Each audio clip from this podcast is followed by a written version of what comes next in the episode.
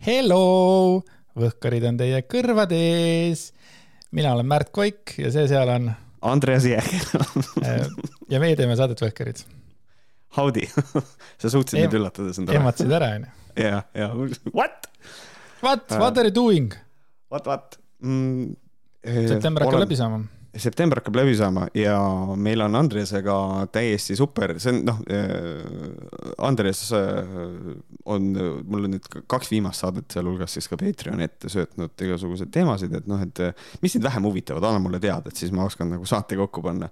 ja mind tegelikult äh, tuleb tunnistada, et jube palju on asju, millest tahaks tegelikult rääkida et see on nagu tore, et see on nagu ma kirjutasin sulle ka vist Messengeris, et ähm, hapukurgi hooaeg saab isegi huudel läbi, et äh,, et sihuke, et, ikka täiega, täiega annavad juurde kogu aeg asju, millest võiks rääkida. täiega. aga september hakkab läbi saama, kuidas on läinud sinu septembrise joo? tuleb tõdeda, jah, tuleb tõdeda, et on läinud väga hästi, niimoodi, et pole isegi aru saanud, et peaks sellega tegelema, et aga ei ole joonud, jah mm.. tead, minul on niisugune harjumus tekkinud, et iga kord, kui me saate oleme ära nagu salvestanud sinuga, kas siis, kui me tegime veel koos minu kodustuudios või siis äh, nüüd siis Riverside'iga, et siis äh, kui mul kõik asjad on valmis, siis ma teen endale, võtan endale mingi Jack Danielsi, kallan endale niisuguse klaasikese Jacki ja siis äh, panen jääd sisse ja siis naudin seda klaasikest Jacki mm. -hmm. ja see kuu ma ei ole saanud seda teha, sellepärast et ma ka septembris ei joo mm. -hmm. Mm -hmm. ja ma veits tunnen puudust sellest, et sest et see on rituaal. see, see on nagu mingisugune rituaal onju, aga see. see, ma ei hakka nagu värisema ja ikkagi, kui ma võtan eesmärgi endale, et siis on nagu kõik on siis on nagu kõik hästi onju.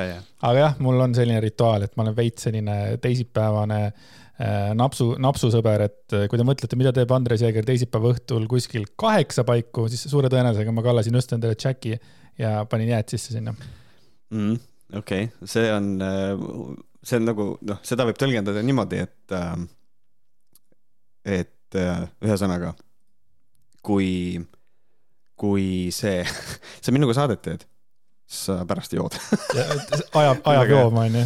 ja, ja väga hea, et mm, -hmm. et, et niimoodi see on, on siis sellega, aga okei okay,, selge, noh, aga vaat no, ikkagi tegu on nagu rituaaliga, eks sa sellepärast ka puudust tunned, see on nagu ma ei ole nagu nõus sellega, kui seda öeldakse, sest ma ei taha seda uskuda, et see nii on, aga noh, suitsetamine on üheksakümmend protsenti harjumus ja kümme protsenti sõltuvus, noh, tegelikult ma ei usu, et need protsendid nii on.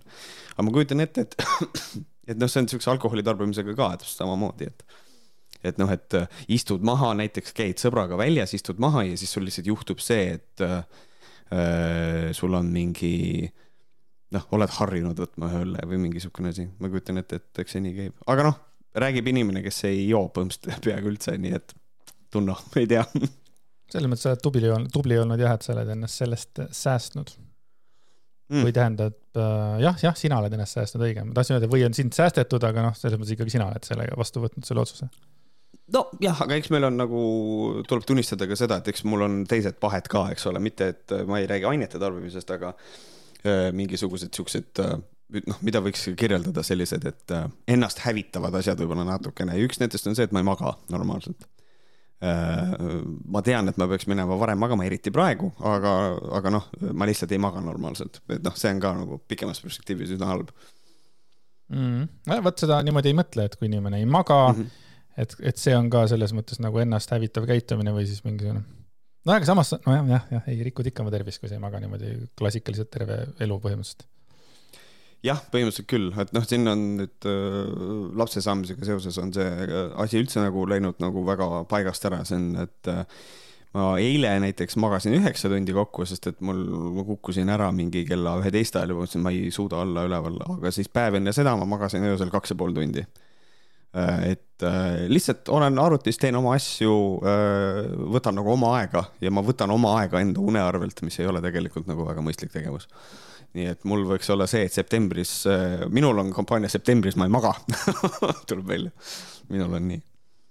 väga hästi, selle asjaga on nüüd korras, aga lähme saate esimese teema juurde ja on olemas selline vahva mees nagu Janno Kurss, kelle, kes on võtnud septembris endale eesmärgi teha sala Instagrami grupp, äh, kuhu ähm, need, kes tahavad sinna sisse saada, peavad kirjutama talle ilusasti pika kirja, et äh, miks nad seda väärivad, et seal olla üldse. Naljakas on see, et see on ju apartheid. absoluutselt ja siis seal on kõik nagu selline otse ja toorelt ja seal ta jagab oma vahvaid mõtteid.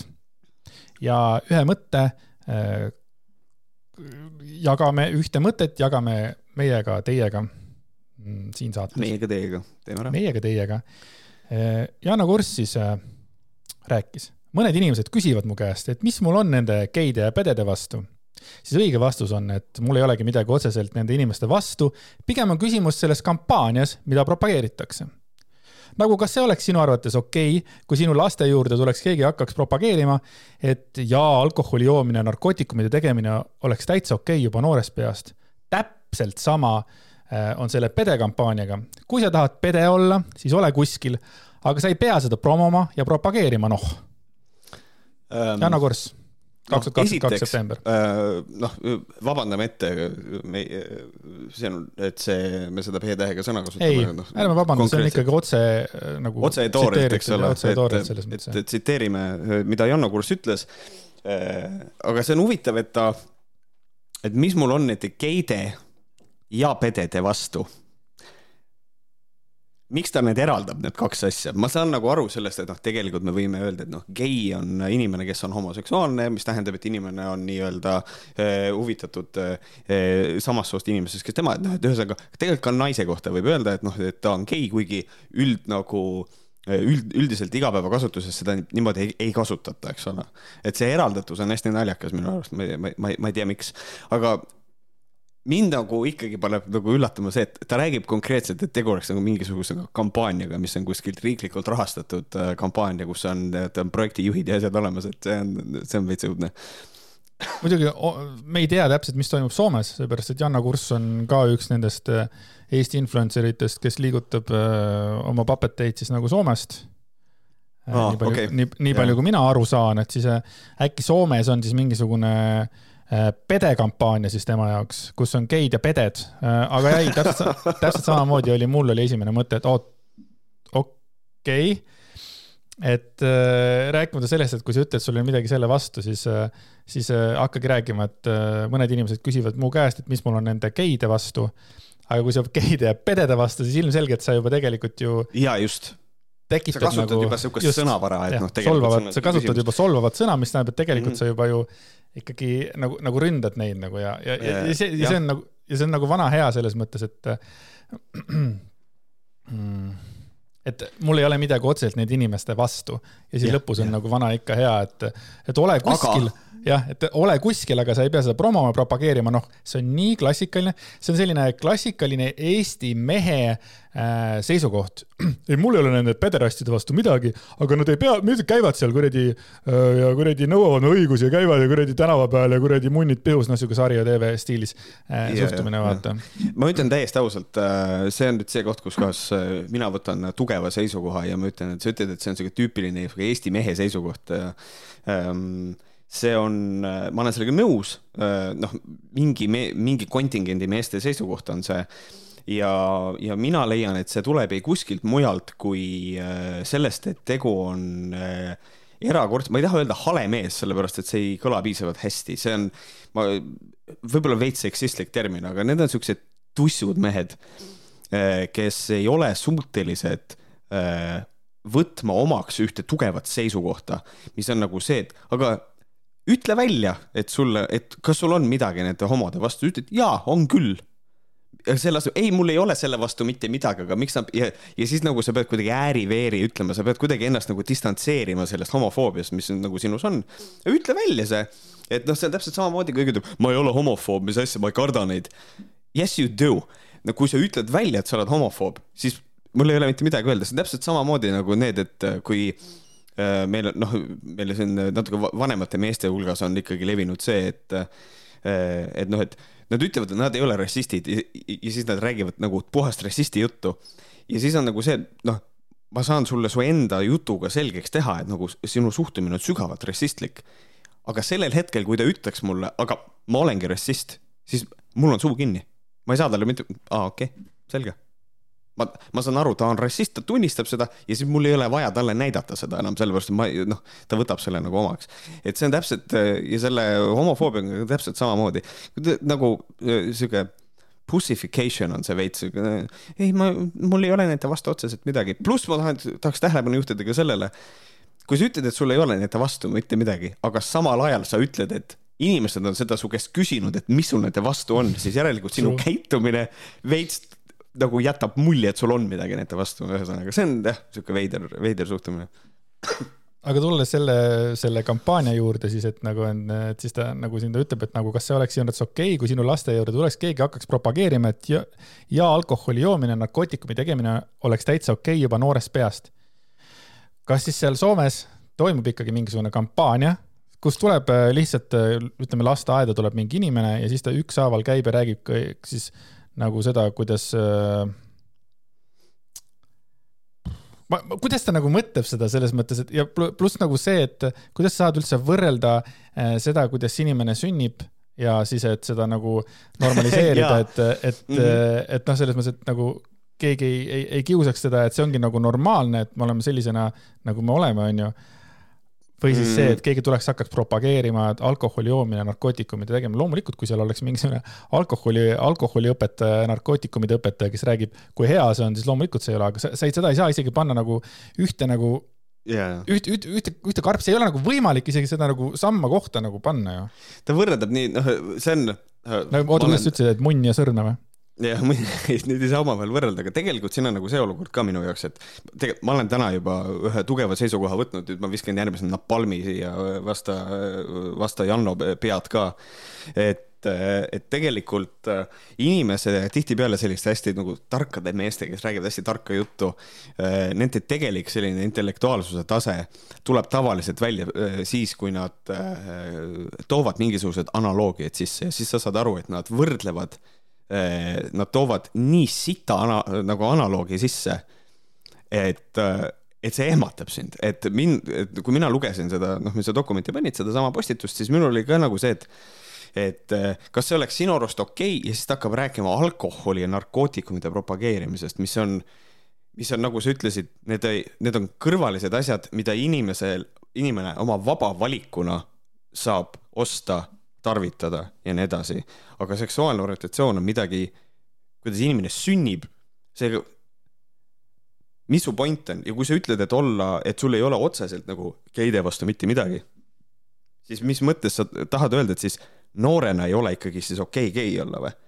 sellepärast, et kui sa ütled noorele inimesele, kes on gei, et see noorena ei, ei, nagu sa ei saa gei olla, siis see on ju tegelikult nagu mentaalselt väga raske sellele inimesele. ehk noh, noh, see on see klassikaline Janna Kurs, kes noh, ta näeb ainult, ta, ta noh, kõik on face value ehk, siis tal, ta nagu sügavalt, sügavamalt ei mõtle absoluutselt, ta räägib oma mingitest IQ testidest mm, -hmm. aga tegelikult IQ eh, testi jutt, kõik on nagu see, kas kõigil on sama madal IQ kui tal või mitte. et noh, see on äh, sihuke, ma ei tea, veits kummaline, veits kummaline on see analoogia niikuinii aga mulle meeldiks ette kujutada, et on kuskil olemas mingisugune raamatupidaja, kes ajab mingisuguse homokampaania numbrit taga, et nii, kus see, palju see plakatitrükk, see, see, et mulle meeldiks, et kampaania oleks päriselt olemas, see oleks väga naljakas. Ja kui keegi on Soomes meie kuulaja, siis äh, ta võib võhkarid.gmail.com kom meile saata kirja ja öelda, mis pedekampaania siis seal on, millest Janne Kuuss räägib. sest ma eeldan, et ta ikkagi, ta ikkagi räägib ikkagi, ma pigem arvan nagu mingist Soome probleemist, sest ma ei ole isegi näinud praegu mingisuguseid plakateid, noh, ma muidugi ei kõnni väga palju ja no uued uudised tähendab, ei ole jaganud minuga seda informatsiooni, et kuskil on mingi plakat, kus on äh, gei, onju, geid. geid, plakat on suur, you wanna be happy, fuck men just, Uued Uudised äh, jagab meil informatsiooni, kus on nagu mustanahalised plakati peal. et siis kindlasti äh, noh, me saaks seda teada kohe uutest uudistest, sest see on ikkagi asi, mida ma nagu jälgin nagu huviga ja noh, ja EKRE-l on väga tugev Soome osakond ja et selles mõttes, et äh, kindlasti see info lekiks sealt. ja, ja., ja EKRE on üldse nagu taaskord jälle oma selle lemmikteema juures tagasi, et siin eile oli jälle see vana hea Riigikogu värk, kus toimus Martin Helme tekitas küsimuse sellest jälle sellest vanast heast Tulilinnu filmist ja yeah, püha püss, no ma ei tea. Nad ei. aga noh, seda ma tean ainult tänu sellele, et ma jälgin Eeva teemasid, nii et noh. jah, see tegelikult, see on huvitav, on see, et Janno on täpselt selline mees, ma puudutaks Janno kurssi korra veel nii palju, et Janno on täpselt selline mees. tema on sihuke tüüd, kellega mina isiklikult oleksin täiesti nõus vestlema. Ehm, noh, näiteks Kris Kalad ja siuksed asjad ka võib-olla veidi, aga siis on mingid inimesed, kes on lihtsalt nagu no, too far gone, nagu no näiteks Hando Tõnumaa, no ei aitäh, tõesti ei soovi. aga Janno Kurss on üks nendest, sellepärast et tal on, ma olen kuulnud teda esitamas selliseid argumente, mis on lihtsalt, dude, you have this backwards.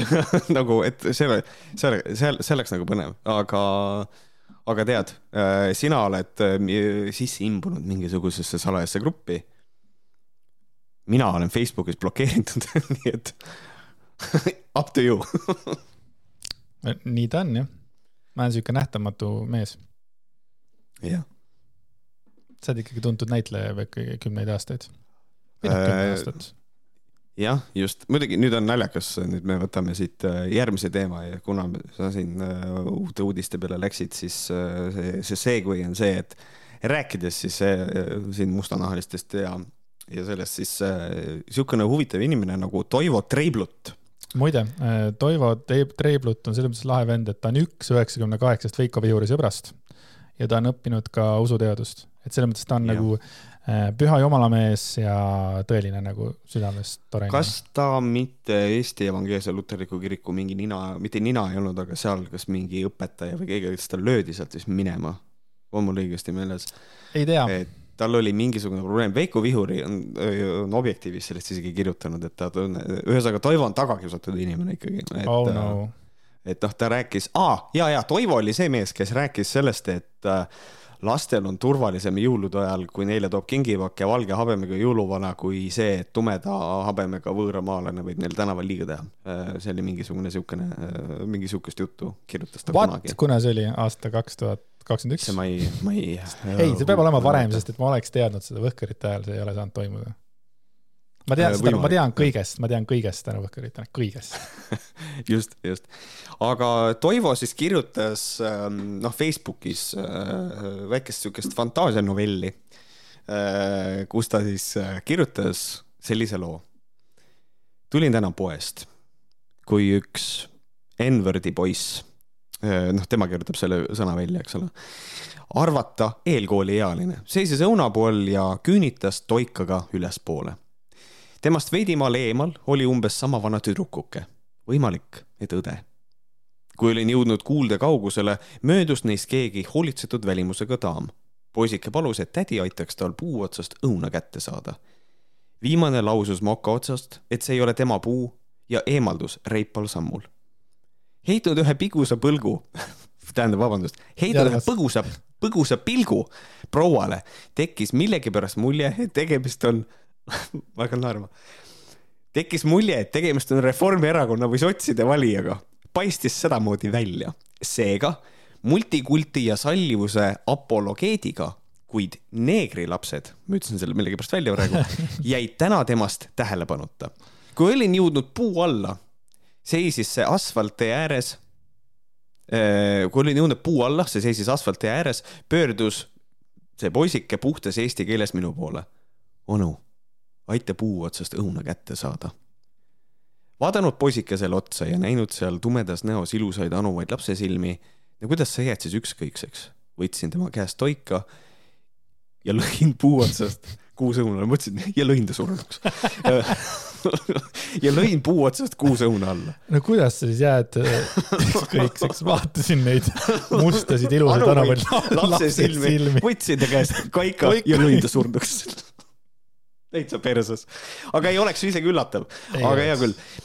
ja lõin puu otsast kuusõuna alla, kolm temale ja kolm õele. miks kuus? poiss tahtis ühte õuna, vaata.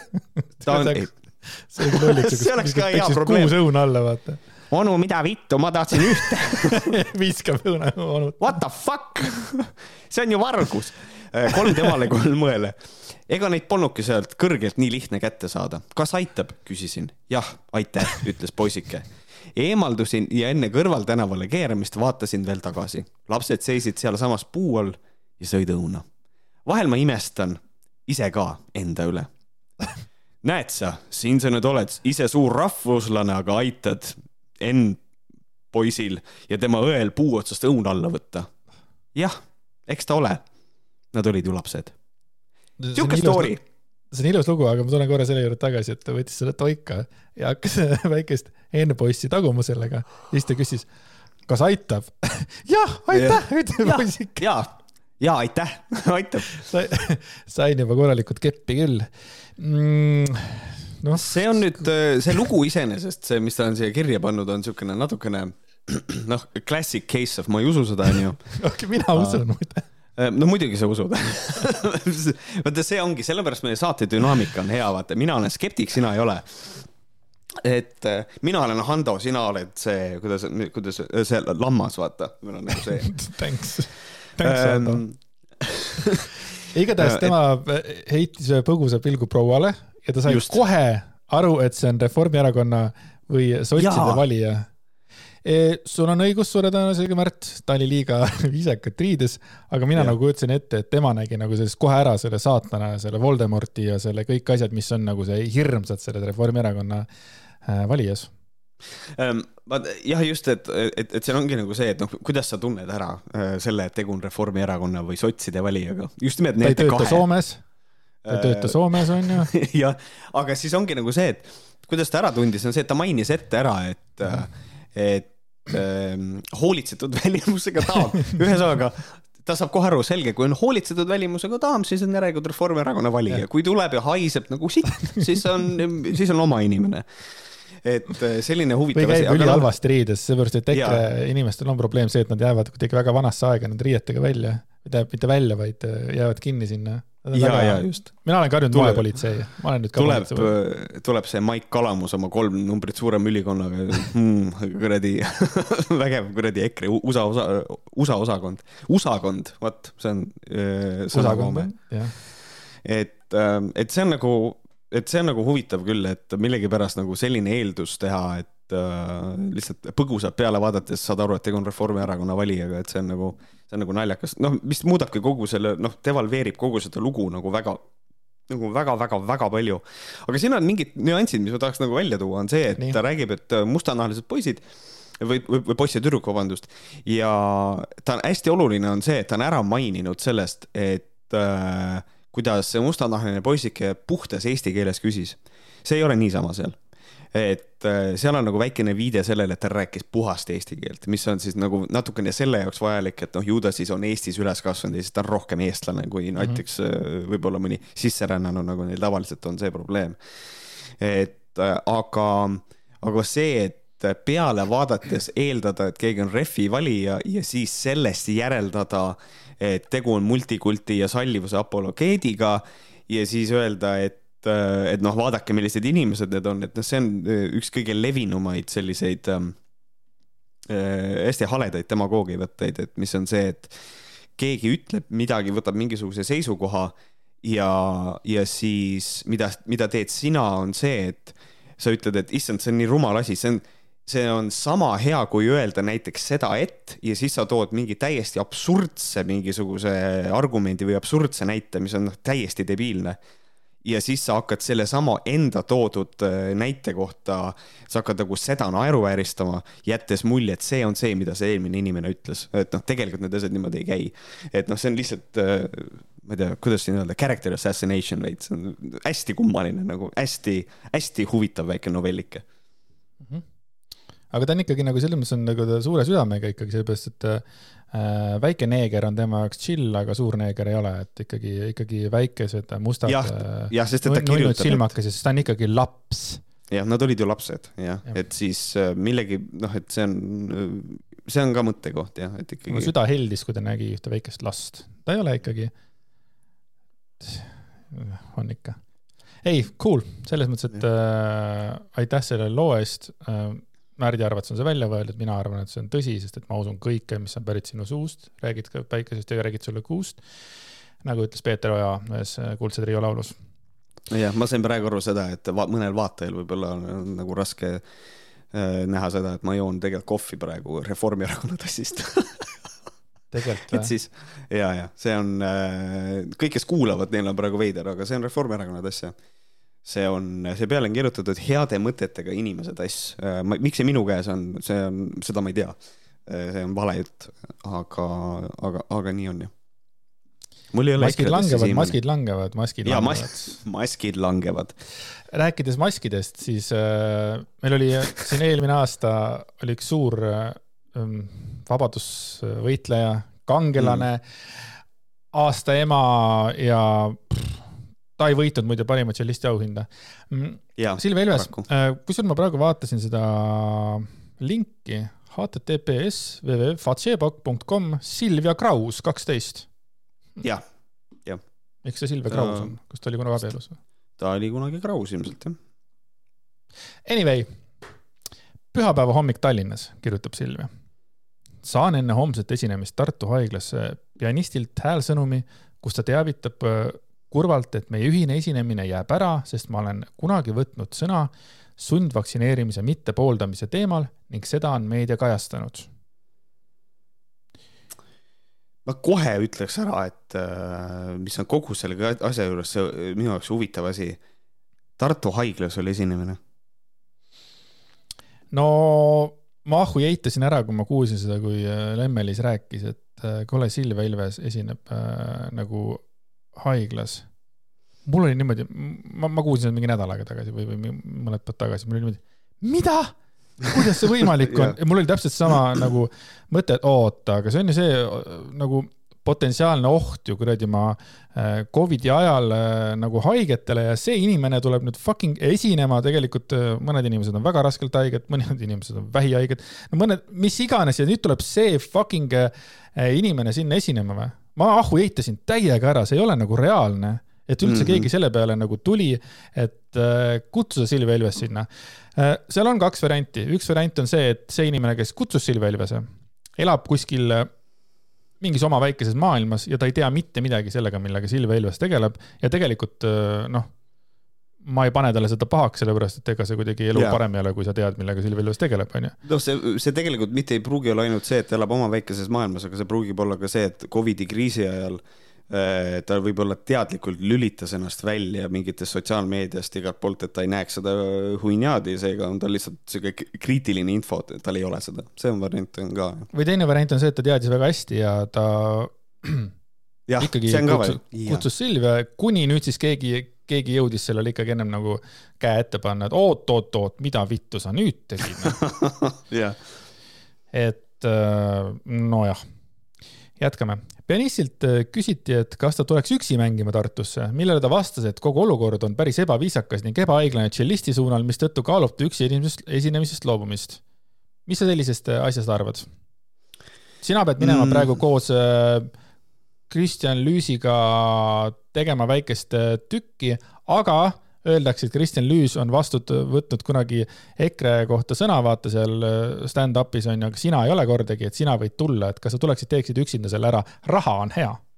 Ehm, no minul oleks kohe see, et äh, mina puhtast, ühest küljest oleks see solidaarsuse küsimus, ma ütlen, noh, et sellisel põhjusel, ai, siis ma ka ei tule. aga teine asi on see ka, et mis mis mängib tegelikult rolli ka selle asja puhul siin. Tõenäoliselt, kui me teeksime midagi Kristjan Lüüsiga, siis on kahte inimest vaja, ühest inimesest ei piisa. Ähm, et ma kujutan ette seda, et äh, noh, ega nad ei ole ka, ega nad eraldi ei mängi, et selles mõttes ju neil oli äh, nagu kahekesti mängivad laval nad on harjutanud kokku mängima, eh, seega mõnevõrra täiesti mõistetav, et pianist ütleb, et mm, ma olen arvestanud sellega, et mul on tšellist kõrval, et, et ma ei saa teha seda, et eh, siis ma jätan tulemata.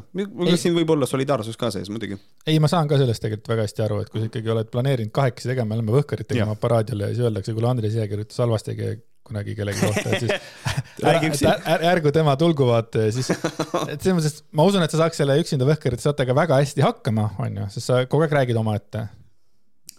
oota. ja siis, et tegelikult ikkagi see on jah, siukene duo-värk, tead.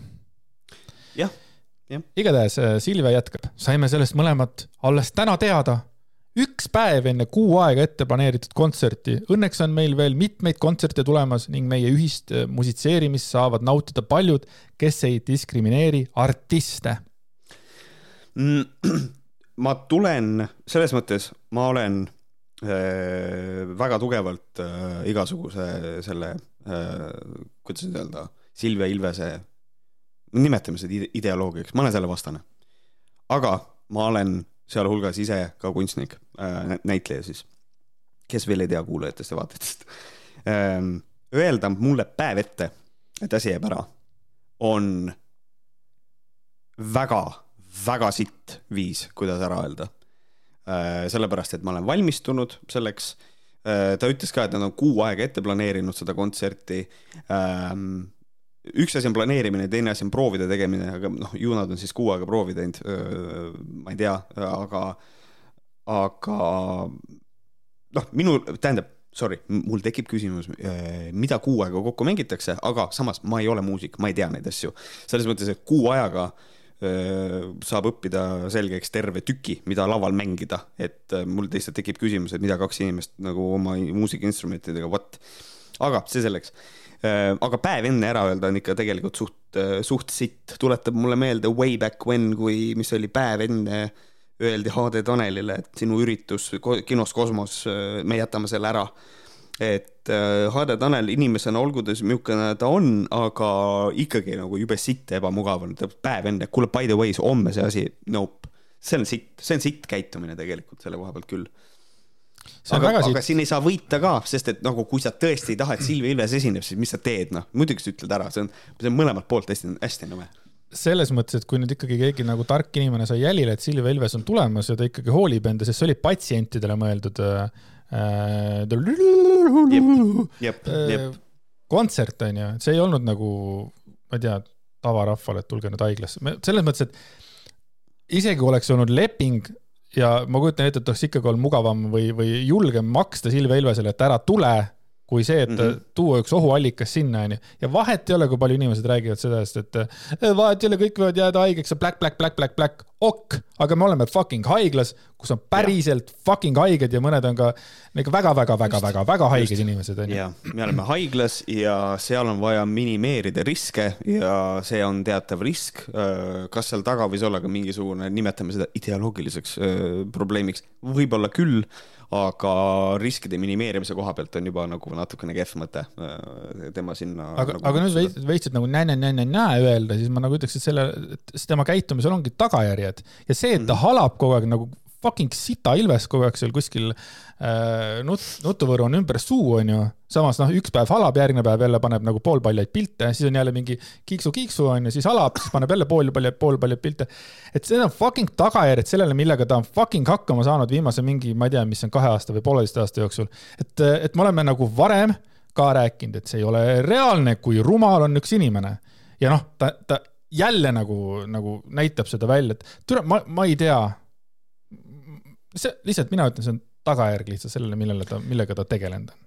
jah, e, tema nimetab seda artistide diskrimineerimiseks, aga, aga noh, see on vastupidi, tegelikult kui Silvia Ilvese käest e, küsida selliseid asju, e, siis ma kujutan ette, et nagu väikese intervjuuga saaks tema käest ikkagi selle kätte, et tegelikult ta pooldab ise ka sellist maailma, kus kohas tema saab otsustada, et Äh, et näiteks tema teeb ürituse, kus kohas on kõik artistid, kes on äh, vaktsiini nagu, kes ei ole ennast vaktsineerinud.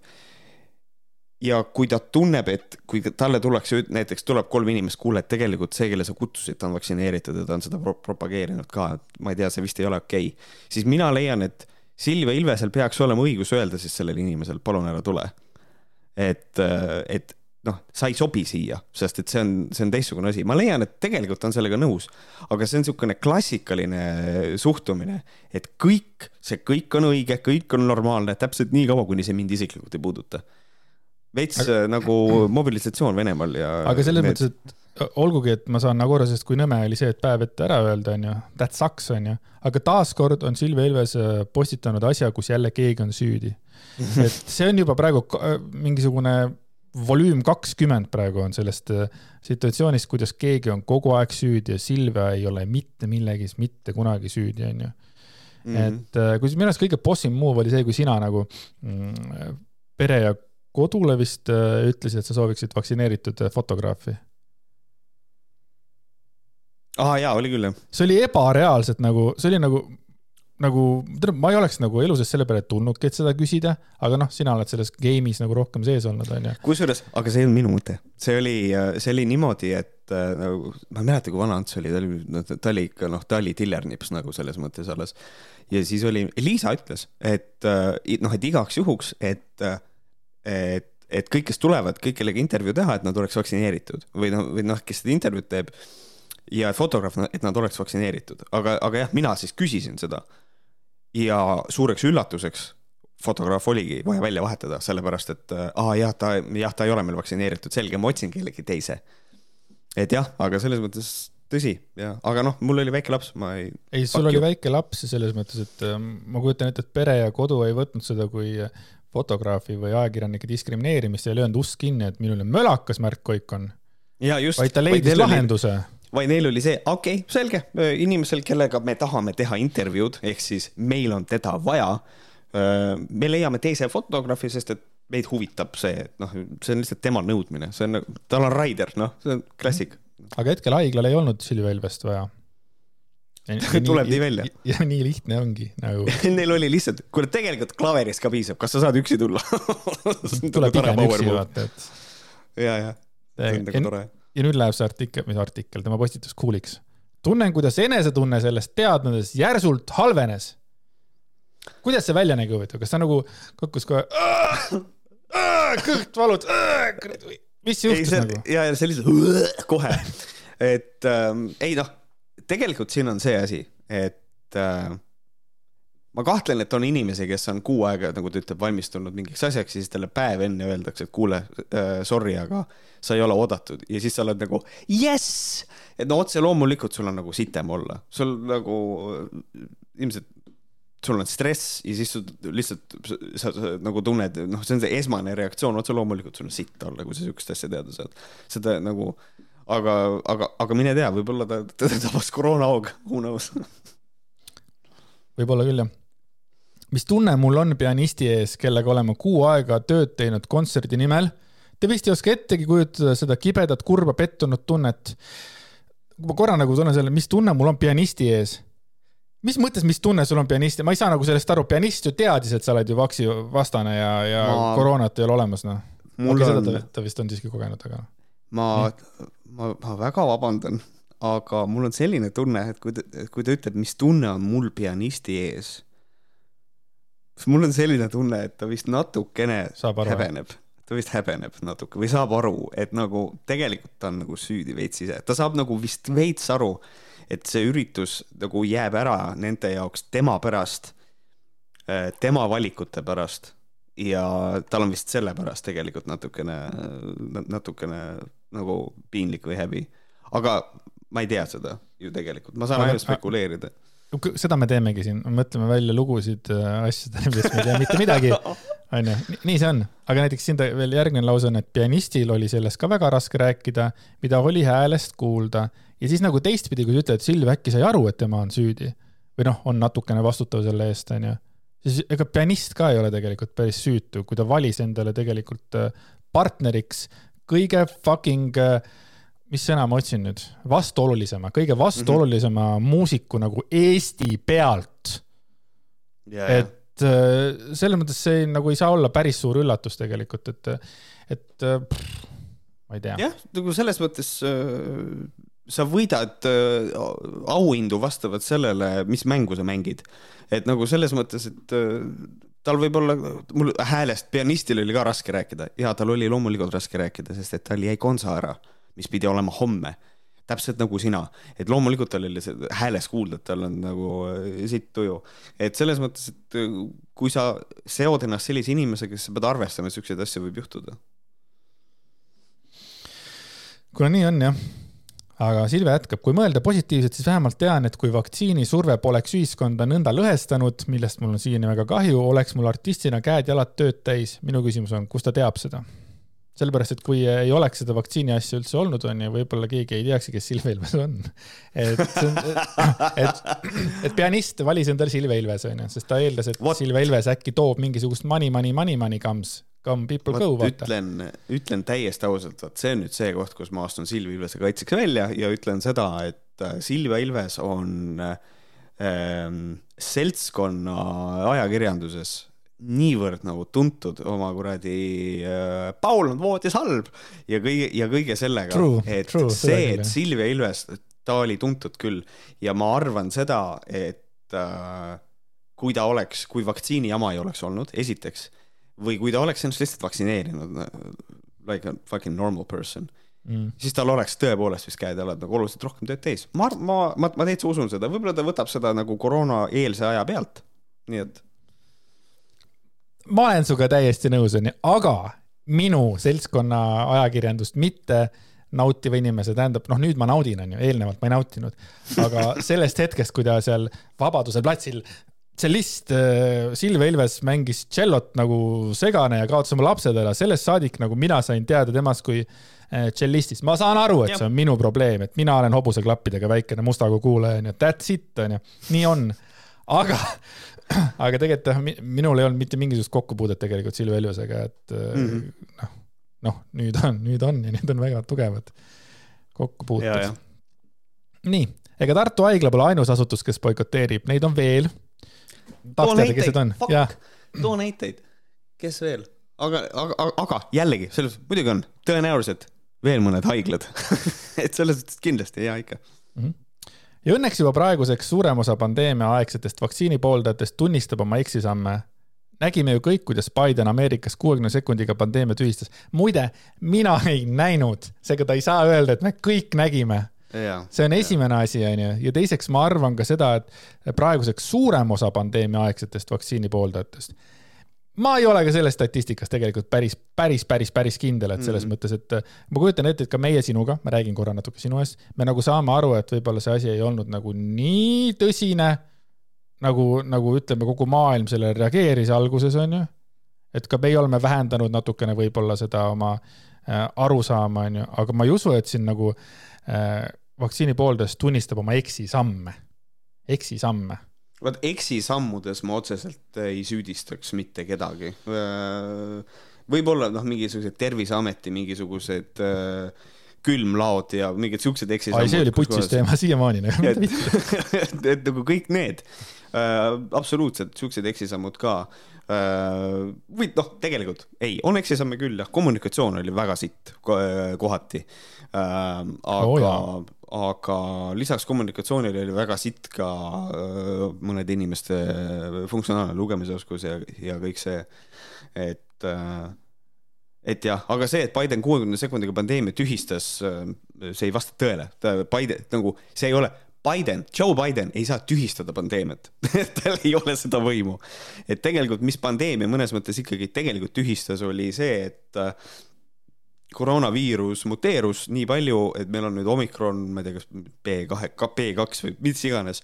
Need tüved muut-, on muutunud niivõrd leebeks, äh, et äh, tegelikult äh, see nagu, et inimesed ei, ei, ei sure enam nii palju, suremus ei ole enam nii kõrge, kui ta oli enne. Te võite mulle öelda, suremus ei olnud kunagi kõrge nüüd on veel madalam. et, et noh, tegelikult see haigus on arenenud edasi, meditsiin, vaktsiinid, kõik, et noh, selles mõttes. siin on nii palju tegureid, millest rääkida, mitte lihtsalt see, et Joe Biden tühistas kuuekümne sekundiga pandeemia. palun mängi tšellot, palun mm. -hmm. aga nüüd on ka meile väikene infokild siia ikkagi. NB keelan ajakirjanikel ilma luba küsimata postitust kajastada. tänud mõistmast ning aitäh, et juba on ajakirjanikke, kes ilusti luba küsivad. palun võtke minuga ühendust positiivsematel teemadel. seda on väga raske teha, kallis Silvia, väga raske on teha, sellepärast et äh, ähm, jah, me oleme podcaster'id, me ei ole ajakirjanikud ei, mina, mina jään selle juurde, et mina olen vabakutseline ajakirjanik ja sina ise ütlesid mulle seda, nii et äh, ära nüüd siin tagane sellest okay,. ma teen, ma teen okay. fucking ajakirjaniku tööd, onju. Võib-olla mitte nii sügavuti kui Martin Laine, onju, aga ma olen siukene niisugune esimene samm sellest sajast, et jõuda Martin Laineni, on ju? üks samm. see on äh, jah, Martin Laine on pool steep. Äh, Andres vaatab eemalt, see on, äh, see on. ma olen, ma olen pool throat et, et, et selles mõttes küll jah, minu soovitus Silvile on see ka, et ära postita avalikult, much less draama. Täiega. ja peale Silvia Ilvest ma võtan kiiresti selle teema ka ise ja siis äh, äh, jätkame. teiste mm -hmm. asjadega. Kass ja Sakti Samatailo, kes on olnud minu jaoks peidus. ta ei ole tegelenud üldse millegi põnevaga, täiesti mõttetu, pointless ja tühi. aga ta on tulnud, kus sa oled? ta on tulnud tagasi ja tal toimub asju. aga tegelikult mind, ma kuul-, vaatasin seda story't onju ja see story oli kõige nagu, nagu mitte närvijäävam story üldse, aga minus tekitas see palju mõtteid ja ma hakkasin, viskasin mõttelõngad laiali mm.. mis oli siis see story, mis mind äh, erutas? Äh, Kassja siiski rääkis, appi kui veider, mul pole nii ammu ohatist olnud ja ma justkui nagu sõnusin ära, pluss selle seljavalu ka. ma arvan, et ma sõnusin selle ära, sest ma olin eile mingi, ma olen täiesti terve ja plaks seljavalu ja mul pole ammu ohatist olnud ja plaks üleöö ohatis ja ma isegi ei tea, kust ta mul tekkis Pa-pa-pa. nii ah,. kust küsimus. ta mul tekkis, ma mõtlesin, et kust ta mul tekkis, oota sul on alati see, sa ei tea, kus see on, aga no, kust? Okay. ma arvan, et ta ütles, kust ta mul tekkis.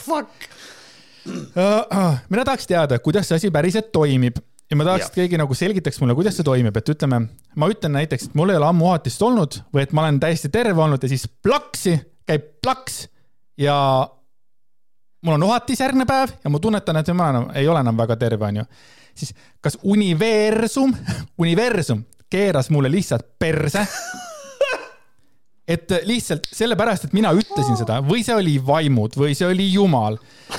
kes ja kuidas selle ära sõnus, nagu kes see sõnus selle ära, mida see tähendab? Universum on üleval, universum lihtsalt jälgib, Andres sind jälgib ja jälgib, käsi on valmis ja lihtsalt tere, lihtsalt ütle ühe korra vahetus, lihtsalt ütle. ja ei, ongi. Ja kuidas see asi siis käib, et universum lihtsalt nagu Märt ütleb, et nagu, et mina ütlen, et mul ei ole ohatist olnud ja universum, oh, ma organiseerin talle ohatise. kuidas sa organiseerid, kuidas ta minu organismile, kuidas ta nagu seda teeb, onju see on nagu äh, lihtsalt või siis ta universum lihtsalt just for fun keerab perse ja kuidas universum kuulab seda asja kogu aeg oh,, näe, ta ütles, ta sõnas ära, onju. ja kõige ja, ja siis ongi see, et tagurpidi see ei käi, onju. kui ma ütlen näiteks, et äh, mul on ohatis kas homme mul enam ei ole siis või? kas siis mul homme enam ei ole, sellepärast et või siis see ärasõnumine käib ainult ühtepidi, okei okay,, ta käib ühtepidi, selgitage mulle, miks see käib ühtepidi, aga ei käi teistpidi. ja üleüldse see on nagu, äh, see on nagu fucking haige, et see on üks loll sõnakäänd või sõnakäänd, kust putsi see tuli? kes see ütles seda nagu? Ja, ja kõige haigem on see, et äh, türa, ma teen praegu üldistuse, ma kujutan ette et, et üheksakümmend viis protsenti inimestest meist nagu teavad seda, et ei tohi sülitada üle õla või, või, või tähendab, tuleb sülitada, sorry, et, et, et mitte ära sõnada, et, et, ei juhtu või mm -hmm. siis, mhm. et, et, et kui ma ütlen, et oo oh,, mul on kõik hästi, oi, ma ei tohi ära sõnada, et oh, ei, kuradi äh, kes see türa selle välja mõtles, vanarahvas või? kas vanarahvas on nagu mingisugune fucking kari idioote või? Nad lihtsalt mõtlevad välja mingisugust siukest asja, onju, ja ja siis, kus ma jõudsin selle nagu selle mõttega, selle rändiga, mis ma praegu teen, on see, tead, teate mis või? ebausk on esoteerika. ja inimesed, kes, kes on ebausklikud, on tegelikult esoteerikud sellepärast, et te ei suuda selgeks teha nagu, kui keegi küsiks, et kuidas käib siis ära sõnumine, sest siis te usute ju mingisugust vaimu või, või universumit, sest et kuidas saab ära sõnada? mis, kuidas see nagu fucking toimub? kuidas toimub ärasõnamine? Mis tähendab, see on esoteerika. sest mingi asi kuskilt tuleb ju. see peab olema mingisugune asi, mis ei, ei ole nagu looduslike jõududega nagu kirjeldatav, onju. ja siis äh, ma tahaks veel teada, et miks meil on eelnevate generatsioonide poolt üldse nagu sellised äh, negatiivsed asjad nagu äh, kuidagi meile on õpetatud, et meile kõigile on õpetatud kõik see ärasõnumist ja, ja kõik see ja siis on äh,, mis asjad see mm,, ma ütlen näiteks, vanasõnad on samamoodi igasugused sellised, et et ära hõiska enne homset ja kogu aeg peab olema mingisugune fucking mingisugune ora perses, et ei tohi jumala eest öelda, et mul on hästi. Märt, mul on hästi, mul ei ole praegu uhatist ja mul ei valuta praegu mitte midagi. ja kui see juhtub järgneval päeval, no siis ta tuli uhatisega mitte sellepärast, et mina seda ütlesin noh yeah., see, see on nii haige ja see on ja, ja saad aru, kui, kui ma olen mõelnud selle peale, siis see tundus nii loogiline, et oh, must kass läheb üle teed. oh, ma lähen kuradi teisest, teisest tänava äärest. miks? kes see ütles seda türa, et must kass, väike armas must kass ei tohi minna üle tee. kas ta peab olema kogu aeg paremal pool teed? ta ei või minna vasakule. ta on must kass, ta sündis musta kassina. must kass ei tee mitte kellelegi halba, noh jah, ühesõnaga Andreaselt täiesti vapustav variant, see on nagu, et tõmba saak käima, aga ära pane bensiini, pane napalm sisse äh,. väga hea. nüüd mina olen siinkohal nüüd see inimene, kes äh, äh, et no üks variant on see, nagu ma kirjutasin dokumenti ka, et võib-olla ta tegi noh, ta ütleb, ma, ma sõnusin selle ära, noh, see on see, mis, mis sind häirib. siis teine variant on see, et ta tegi korbet, mis on see, et tal tuli ohatis ja selg valutas ja siis äh, ta mõtles tagantjärgi, et aa, noh, võib-olla ma ütlesin, noh, midagi sellist, eks ole. teine asi on see, et ohatis on äh,, mis asi ta on meil, herpese viirus, mis on inimesel organismis kogu aeg ja ta lööb välja siis, kui immuunsussüsteem on nõrk. ja me ei tohi ära unustada ka seda, vähemalt minul on ka niimoodi, kui minul on immuunsussüsteem nõrk, siis mul valutab selg ka, sest et selg on minu organismis üks nõrk koht. mis tähendab seda, et tal on immuunsussüsteem nõrk ja tal lõi välja ohatis ja seljavalu, mis ei ole absoluutselt mitte ühegi külje pealt üldse minu jaoks üllatav, et need on kaks asja korraga. teine asi. ohatis ei tule niimoodi, et sa lähed äh, magama, ärkad hommikul ülesse ja sul on moll lõhki. Need asjad ei käi niimoodi.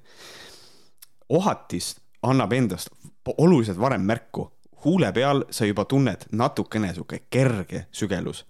ja need on alati need asjad tagantjärgi, kui ohatis juba tekib, siis mõtled, aa, see oligi see. ehk siis kass jah, võib-olla lihtsalt ta tundis, tal huul sügeleb.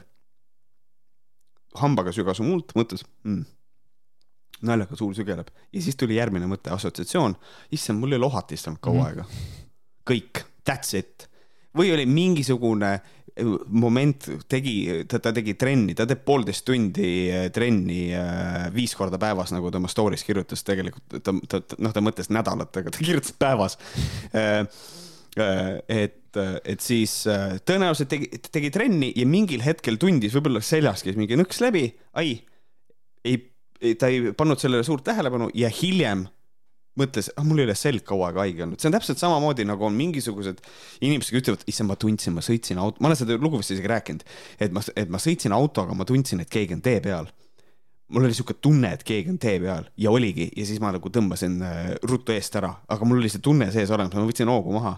aga tegelikult, mis on, on see, et võib-olla sa sõitsid enne autoga ja sa nägid eemal, äh, noh, pimedas, sa nägid võib-olla eemal ühte autot, mis sõitis ja sa nägid kaugelt ära, et see auto tegi tee peal korra mingisuguse äh, nagu manöövri, mida sa nägid, tulede liikumist, aga sa ei pööranud sellele otseselt tähelepanu, sa nägid seda, su alateadvus salvestas selle ära ja siis, kui sa ise sinna jõudsid, siis sul ühesõnaga, sa võtsid igaks juhuks hoogu maha sa täpselt ei tea, miks, aga tegelikult see on sellepärast, et sa oled autojuht ja sa oled, sa tegelikult jälgid teed ja sa, ühesõnaga, see on, see on su sees nagu olemas, sa tegelikult panid tähele, sa põhjusega pidurdasid, see on see, et sa nägid, et mingi auto tegi mingi svervi ees.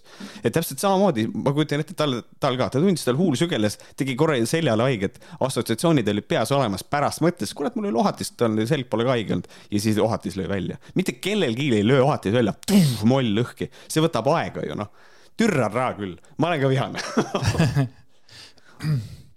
äh, mis sa arvad, kas on siis ärasõnumine esoteerika või ja kõik need, äh, kõik, kõik, kõik see asi? ta on ebausk selles mõttes, kas no, ta on. ebausk, kas, kas ebausk on, jaa, aga kas ebausk ise on esoteerika, sellepärast et äh, millegipärast me võtame seda kui normaalset osa elust. et ebausk, et, et, et ebausk on nagu normaalne, aga mingil põhjusel siis nagu need uhhuude asjad ei ole, onju mm,? esoteerika on minu jaoks ähm... aga siin on ka seotud, siin on ka mingisugused asjad ja mingid, mingid, mingid universumid ja. või mingisugused vaimud, kes seda asja teevad ju no,. kuidas üldiselt... saab ära sõnada? üldiselt esoteerika minu, tähendab ju seda, et on mingisugune info ja mingisugune teadmine ähm,, mis eeldab, et sa kuulud mingisugusesse tsunfti nagu see on see ähm,, sa pead olema õppinud, need on mingid õpitud asjad ähm,. et ma päris esoteerikaks, aga ma tulen vastu nii palju, et noh, tegelikult see on suht lähedal, selles mõttes küll jah. et äh, kui sa tunned, et sa pead kolm korda üle õla tegema, tõi, eks ole, mida ma olen ka ise teinud. ühe korra ära tee, et ühe korra ära tee lihtsalt, et noh, tegelikult mõtle loogiliselt, et jah, mõnes mõttes on sul õigus küll jah. ei, selles mõttes, et absoluut, ega ma nagu ei ole sellest patust puhas ja see ei olegi nagu patt, ma räägin sulle, see on kuskilt meile nagu kuradi sisse programmeeritud nagu venelaste vihkamine ja. emapiimaga ja see ongi nagu nii nõme, et miks nagu see vanarahvas ja siis seda järjest on meile õpetatud siis seda mingisugust asja, onju. see on fucking nõme ja kui sa ütled, et see ei ole esoteerika, aga näiteks, et kui mul on siin raamat, onju, mul on raamat mm -hmm. Alternatiivmeditsiin, sada viiskümmend, saja viiekümne meetodi kriitiline hinnang, onju. Ja seal on näiteks alternatiivmeditsiini all näiteks massaaž või siis äh, kõik need palvetamised ja kõik need usud ja Jah., ja, ja, ja siis ongi nii, et aga, aga ebausk, kui usk on alternatiivmeditsiin onju, ebausk siis ei ole või?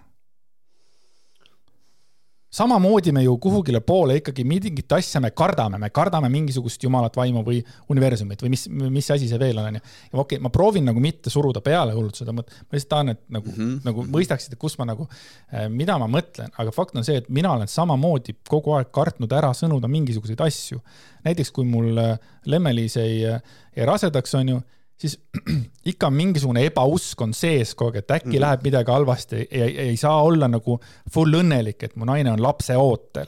sest kogu aeg sa kuskil, kuskil ma kardan, et, et kuskilt midagi juhtub, vaata, või kui ma sõnan ära, vaata. et, et ma saan aru, et see ei olegi nagu selles mõttes nagu, see on kuidagi meie sisse kuidagi pandud. jah, see on see, oota, kuidas see, kurja karja kutsumine põhimõtteliselt. kurja karja kutsumine, just jaa, ja teine asi on see, et kui ära, ärasõnumine, et ongi täpselt nagu ütlesid, vaata, aga, ära ükskord tee seda ja see ongi niimoodi, et kas nagu siis, kui sa seda ära ei ole sõnunud, inimene, kes nagu päriselt usub ebausku, kas siis kogu aeg on su elu läinud täpselt nii, nagu sa soovid? et noh, et kui ma ära ei sõna, eks ole, et, et, et noh, see ei ole ju niimoodi. see ei ole seotud sellega, kas ma sõnan ära või ei sõna tegelikult seda ära, onju. see, et asjad juhtuvad või mingisugune, aa, pöidlaid hoitakse samamoodi, hoia mulle siis pöialt ma olen oma elus hoidnud pöialt inimesele, et tal läheks mm -hmm. hästi, ma olen hoidnud tund aega pöialt, et tal läheks eksam hästi näiteks. jaa.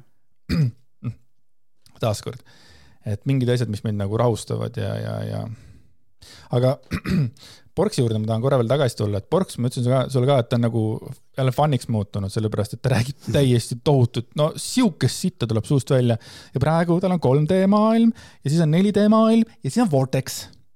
mis on Ja, Vortex? Vortex on, Vortex on seal, kus on kõik, mida soovime. Abraham Hicks äh, kasutab terminit Vortex, et aidata mõista, kus meie soovid elavad enne nende füüsilist manifesteerumist. Vortex on koht, kus kõik meie soovid on vibratsioonilisel tasemel enne, kui see avaldub füüsilises sfääris. kui me oleme Vortexis, siis me manifesteerime soovitut. kui me pole seal, siis manifesteerime füüsilist 3D reaalsust again and again and again, sest meie tähelepanu on seal. Vortexis tunneme end hästi õnnelikuna, armastusena ja justkui meil on juba kõik, mida soovime, sest meie tähelepanu on kõigel, mida soovime ja ei millelgi muul. Vortexis ei eksisteeri negatiivseid tundeid. vaata, nüüd on niimoodi, et nendel pöörastel, vaata, kes panevad pomme mm., jah, nendel on mingi koht, vaata, nendel on oma vortex on siis see, mis afterlife on, vaata. on nende vortexis. ja siis mingisugune Kassio Shakti Samotailo sugustel uhhuudel on siis vortex see koht, kus ei tunne, kus on ainult rõõm, vaata. ja, ja, ja no nagu me varem, varem ka rääkinud, ainult üks manifesteerimine on igas asjas sees. oota, kas see oli Abraham Hicks või? jah, ta mainis, Abraham- ja, ja, okei okay,, see Abraham ongi mingi jah. kuradi. Abraham Hicks äh, Publications on andnud välja ühe huvitava raamatu, sa oled selle kohta kindlasti kuulnud. Law of Attraction. ja ikka tean. see, see, see on niisugune Kris Kala nagu äh, lemmikasi, et, jah. äh, aga ma korra nagu näitasin juba seda, onju, et on mul saab alt- otsa see energia reis, türa küll, kuidas 3D maailm, 4D Ja, maailm, siis ja, on ja. mingi fucking vortex ja ühel hetkel on lihtsalt, türa, Vortex on paradiis, uhhuude paradiis on Vortex, onju. noh, that's it, nii saan mina aru. aga ma tulen tagasi selle juurde, et alternatiivmeditsiin, sihuke raamat, sada viiekümne meetodi kriitiline hinnang. selle saatis meile äh, Twitteri kasutaja Tähenärija, kes on äh, jaganud mulle ka saate ideid äh, ja ta on alati aidanud mind välja, kui mul tekib mõni küsimus, siis ta kohe saadab mulle vastuse. et ka, ka hiljem äh, tuleb veel üks tema vastus ühele küsimusele. aga ma tahan korra lugeda, ta on salavõhker. ei, ta on täielik salavõhker. ja siin ma tahan lugeda ühe väikse asja siit ette. see on siis niisugune nagu üks meie meetod nimega Saksa uus meditsiin. Saksa uus meditsiin on saksa arsti Reich Gerd Hammeri looming. nimetus meenutab natside kolmanda Reichi ajal tekkinud meditsiini kontseptsiooni Neue Deutsche Heilkunde. nii, ta tegi igasuguseid asju, aga Hammer väitis, kõik haigused on põhjustanud, põhjustatud psühholoogilistest konfliktidest. see on praegu see, mida räägivad uhhuud. hästi lihtne näide on Laura Kild. tema on see inimene, kes ütleb, et kõik kõik haigused on seotud noh, mõtlemisega, mis on minu arvates umbes sama, et kõik on põhjustatud psühholoogilisest konfliktidest. nii, järgmine, meditsiin on juutide vandenõu, et vähendada mittejuutide arvu. kolmas punkt, mikroobid ei põhjusta haigusi. Aits on kõigest allergia ja vähk on vaimse vapustuse tagajärg, eks ole, et, et see on et see on, see on selline tüü- ja, ja sellist asja Saksa uut meditsiin tegelikult siiamaani nagu sellega tegeletakse, seal on ka muid asju, onju aga näiteks mikroobid ei põhjusta haigusi, see on sama nagu see äh, Hando Tõnumaa see, et viirused ei põhjusta haigusi, vaata, et. Äh, ja viirused et, ei levi ja sada asja. ja et kõik sellised asjad, et, et kõik uus on ära unustatud vana ja nüüd lihtsalt on mingisugune kari idioote, kes saab kuskilt selle mõtte, et oh, kõik haigused tulevad peast nagu vaimsetest konfliktidest, käi putsi, nagu see on ebareaalne sitt lihtsalt mida mingid äh, uhhuud nagu äh, kuradi fucking äh, jagavad. ja tegelikult ma kohe hüppaksingi siis äh,, kuule, aga ei, ei hüppa ka. Lähme edasi, sa saatega edasi. ära hüppa, ma veel ei hüppa.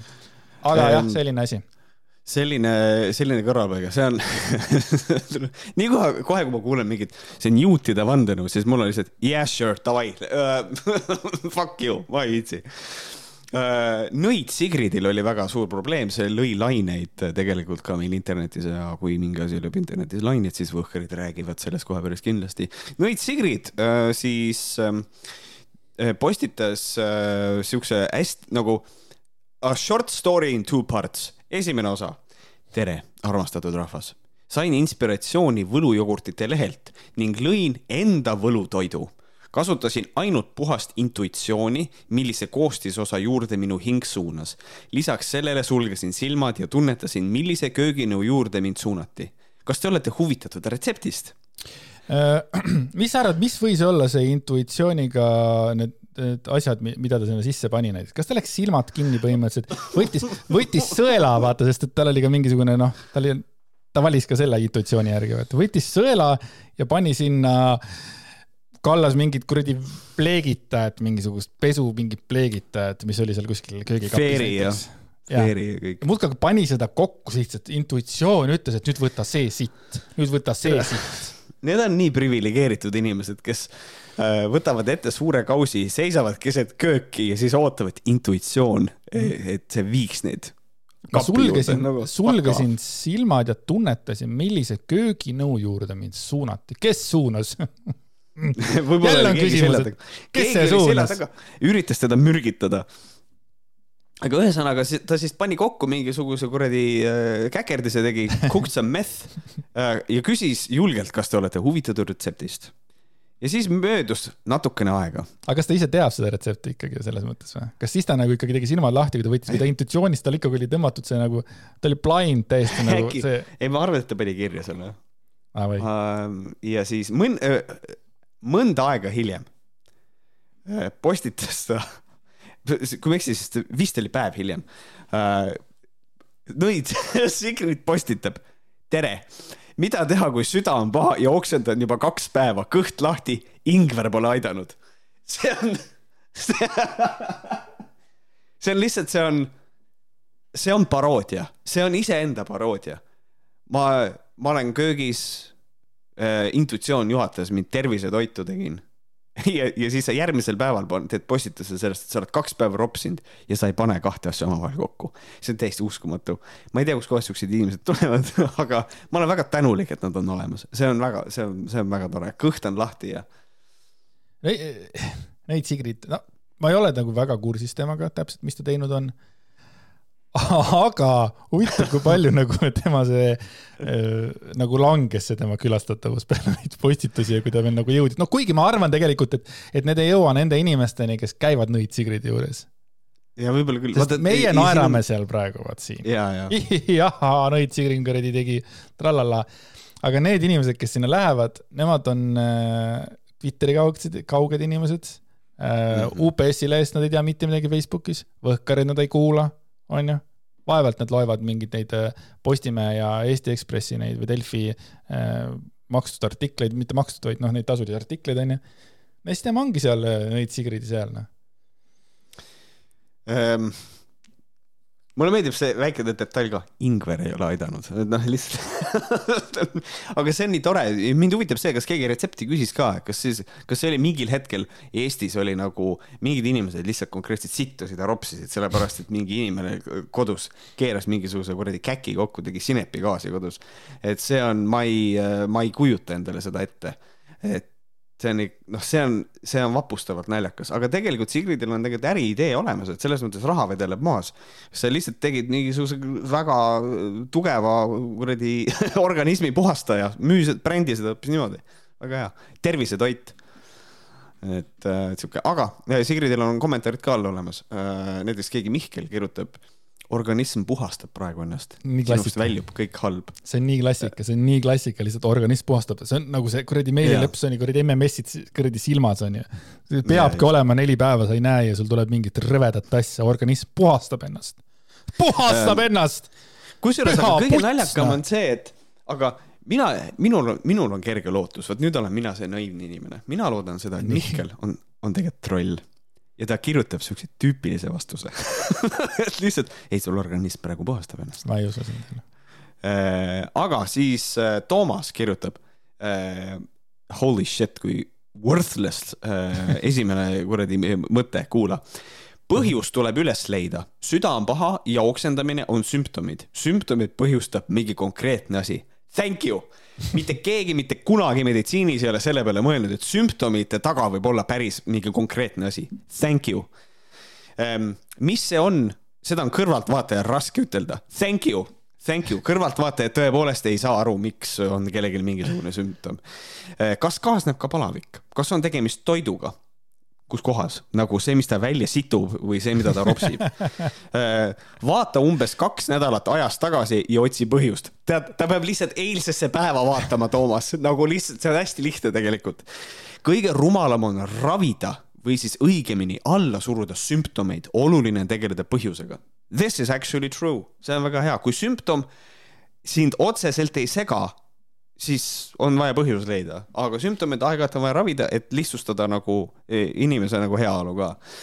ja Nõit Sigrid vastab, palavikku ei ole, sõin üleeile seeni, kukeseeni muidugi sõid kukeseeni, ta sõi neid samu seeni, mida Laura Kild sööb. vaatasin korra, et mingi kahtlane seen on vist sattunud, nägi välja nagu kukeseen, ainult et natuke heledam. kas see oli mürgiseen? kaks viimast nädalat olen söönud kartulit, tatart, seenekastet, kupatanud seeni. õunu sõin ka, tööl on olnud natuke stressi. miks sa seda ei ütle, et sa eile sõid mingisugust kahtlast ollust, mille sa kokku meisterdasid? Neid Sigride tööl on palju stressi, kui inimesed käivad ja, ja räägivad ja siis ta peab tegema. ega no, see ei ole kerge fucking olla nõid saad aru, kogu aeg inimesed tulevad ja halavad ja sa pead jälle mingi uue mingi sita välja mõtlema, oo, ma panen käed sulle siia, võtan seda, võta natuke ingverit, siis kuradi teed mingisugust kuradi paugušeiki, no see, no ei ole kerge olla nõid Sigrid. ja just, just, et aga Sigridile äh, Võhkarid soovivad head tervenemist ja ära söö random asju, mis intuitsioon palus kokku panna. et see on üsna halb mõte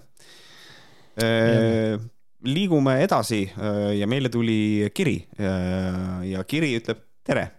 tervitame ilusasti vastu ja kirja, kirja sisu on, on järgnev kuulasin haigushoogu number viiskümmend seitse ja taas sattusin ennast huvi tundmas selle Kerro teema kohta.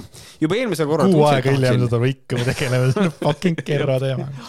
juba eelmisel korral tundsin, et tahaksin natukene kaevata, sest mu probleemiks on see, et ma pean teada saama, muidu jääb häirima, kuniks meelest läheb. nüüd hakkab kaevama meile, nüüd ta hakkab meile kaebama nii, äh, saab, äh, sapöör labidas on käes ja hakkab kaevama. jõudsin selleni, et Marilyn Kerro on hetkel juhatuses Marilyn Kerro OÜ-s ning hiljuti on muudetud juhatuse liikmeid Mekker OÜ-s, kus uus juhatuse liige on Evelyn Kerro. vaadates infopangast andmeid, mis on küll natukene limiteeritud, kuid sellest tulenevalt on näha, et Mekkeros on osaliseks Evelyn ja Marilyn Kerro. lähtudes sellest, et Marilynile tehti liiga ja võeti asjad seal üle, eeldan, et tal on väiksem osalus antud ettevõttes kui Evelynil või lihtsalt tahtis endale mingil määral promo teha, ei tea. lisan lõppu ka pildi noh, see on, sorry, seda, seda nüüd me ei näita, eks. Teie seda ei Eh, näe.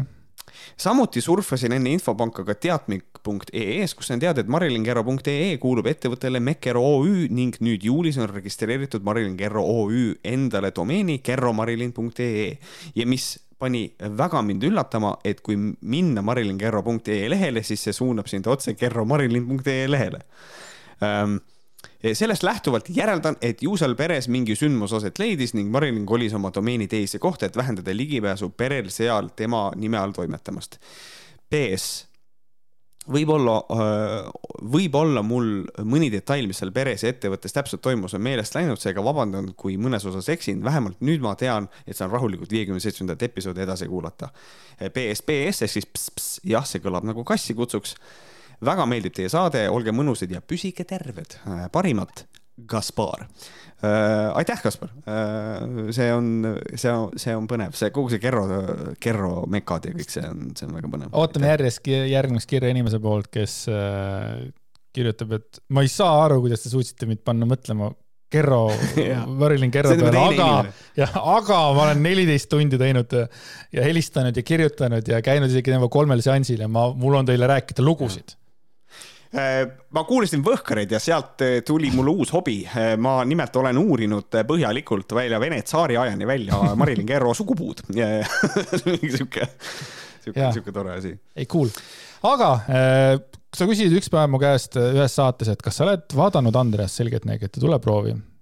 ja ma ütlen, et jah, ma tõesti vaatasin kunagi, kui oli Nõi Ants ja Nõid Nastja ja veel terve hunnik igasuguseid inimesi.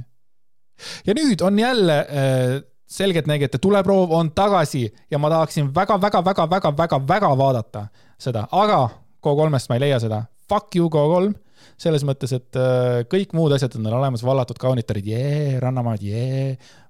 vallatu. kaunitar. Damn. jah, ta on vallatu kaunitar. ja siis, kus on selgeltnägi tuleproov. igatahes meie juba kuid, kuid tagasi tõime teile Laura Kild nimelise inimese äh, teie teadvustesse ja, ja laps, te saate teada mm, oma tulevate lastega rääkida lausa, mitte ainult mis soost nad on, vaid rääkida lausa nendega see on uskumatu ja seda teeb kõike Laura Kild ja temaga oli ka intervjuu TV3-s ja ta suutis üllatada mind. ma ei teadnud paljusid asju, ma teadsin, et talle meeldib nagu veits nagu niimoodi, noh, napsu panna, vaata. Aga ma ei teadnud, et ta oli ka äh, narkar ja äh, seenesöödik, aga noh, see on sama asi tegelikult, et, et ta pani korralikult narksi ja sõi seeni. ma olen ise ka seeni söönud, selles mõttes kõik on okei okay, kõik on hästi ja tänu sellele, et ta pani narksi, ta hakkas nägema, kuidas maailm tegelikult nagu toimib ja ta ja seal avaldusid, selles hetkes avaldusid tema nagu need äh, võimed. ma olen varem mm -hmm. ka kuulnud, et äh, narkarid äh, õigustavad enda äh, na- narkootikumide tarbimist sellega, et nad näevad maailma pär- nii, nagu nad päriselt on. mitte nii sellises maatrix'is, nagu me tegelikult elame või noh, praegu elame ja. ja, ja Laura Kild ei ole nagu erand ja narkootikumid avasid tema tsakrad. ja nüüd ta nagu ajab asju, aga jätame tsakrad sinnapaika, vaid äh, TV3 reporter küsis ta käest siis, et millal lõpuks stabiliseeruvad energiahinnad meil. väga oluline küsimus, igaüks tahaks teada. ja mida Laurtsik ütles, jälle hakkab pihta oma fucking nimedega ja mida ütles Laura? ei mingit Laurtsikut, unustage ära. nii, Laura ütles, no see on kah siukene mäng, mida me siin mängime võib-olla. võtame ühe lause korraga. võib-olla, võib-olla. ei love see on siuke mäng.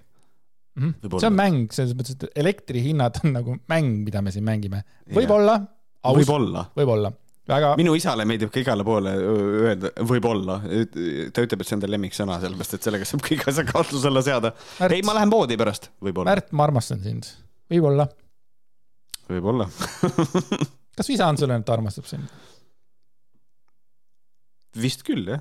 tere, sa oled ikka õnnelikust perekonnast pärit. uskumatu.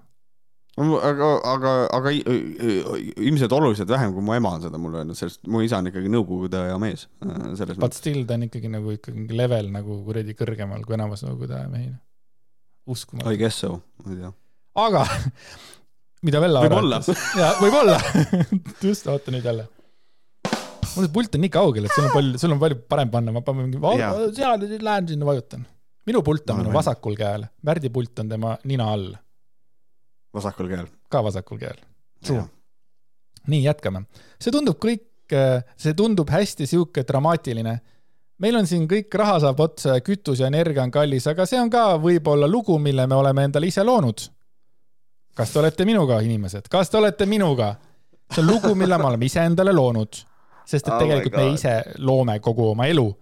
nagu ärge seda ära unustage, see on põhiteema et see lugu hakkab kahanema siis, kui me hakkame lõpetama uskuma seda, et see on kallis, vaid me hakkame mõtlema, et see on odav ja me pöörame võib-olla maailma nagu ümber, aga see oleneb jälle meist endast.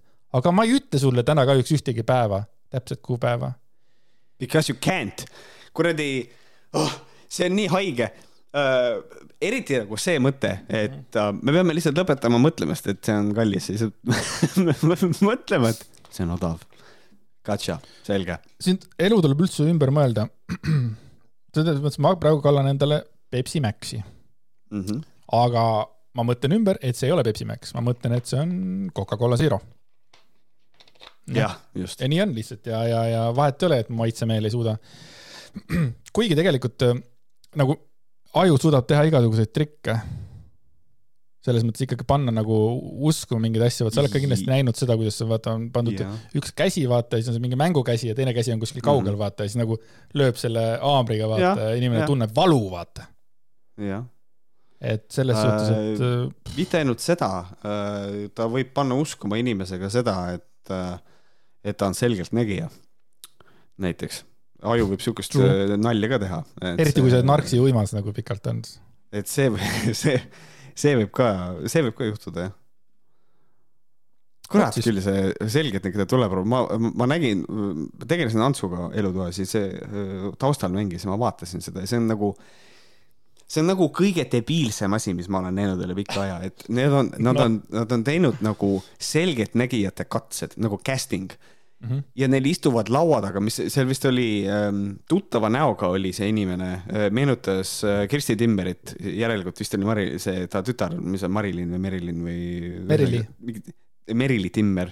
ja ma täna muide seal- Merili Timmeri blogi ka veits nagu, nagu lugesin, aga ei olnud midagi nii põnevat. ta rääkis okay. sellest, et äh, peeglid äh, halba energiat endasse võtavad ja siis ta liigutas oma peeglit ühest äh, toanurgast teise ja siis hakkasid asjad juhtuma, aga äh, okei okay., ja siis seal olid mingid, mingid tajujad ja ühesõnaga seal oli nagu žürii, mis koosnes selgeltnägijatest, mingisugune kuradi aferistidest koosnev fucking žürii. ja siis sinna nende ette tulevad inimesed, kes räägivad, et nad on tajujad ja, ja kõike seda ja siis nad teevad eksamid ja siis nad räägivad, sirutavad kätt välja ja hoiavad kätt mingite karpide kohal ja tegelevad mingisuguse kuradi huinjaaga. ja siis ma istun seal ja mõtlen, et täitsa perses, et tegelikult mõlemad osapooled võib-olla, võib-olla, aga mõlemad osapooled võtavad seda jumala tõsiselt, mida nad teevad ja siis mõt-, tegelikult meie ühiskond on ikka fucking haige küll, et noh, see on ikka täiesti absurdne. et see on ikka õudne ja vastik, et täiesti lollakas on see kõik. Aga ei, teate, have fun, otsige autopagasnikutest inimesi ja tehke saates igasuguseid põnevaid asju ja siis, kui kellelgi on päriselt vaja kedagi leida, siis te olete täiesti karikasutud inimesi, laske käia.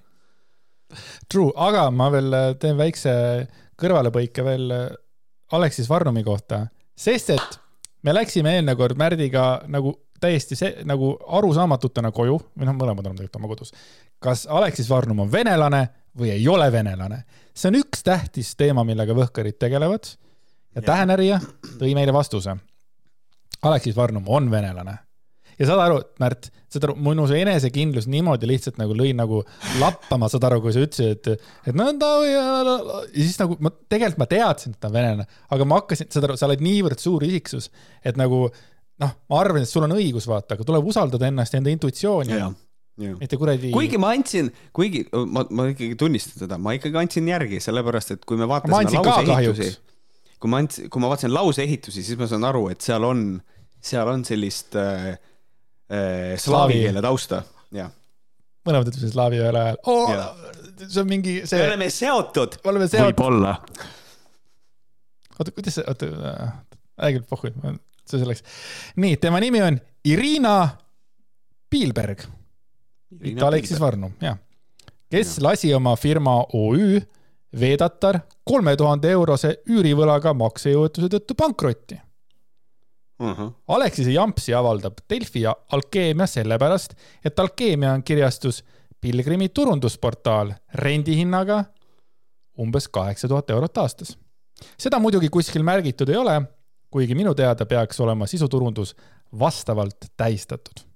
Ja siis meile on ka kaasa pandud Alexise pankroti kohtulahend ehk siis Irina kohtulahend.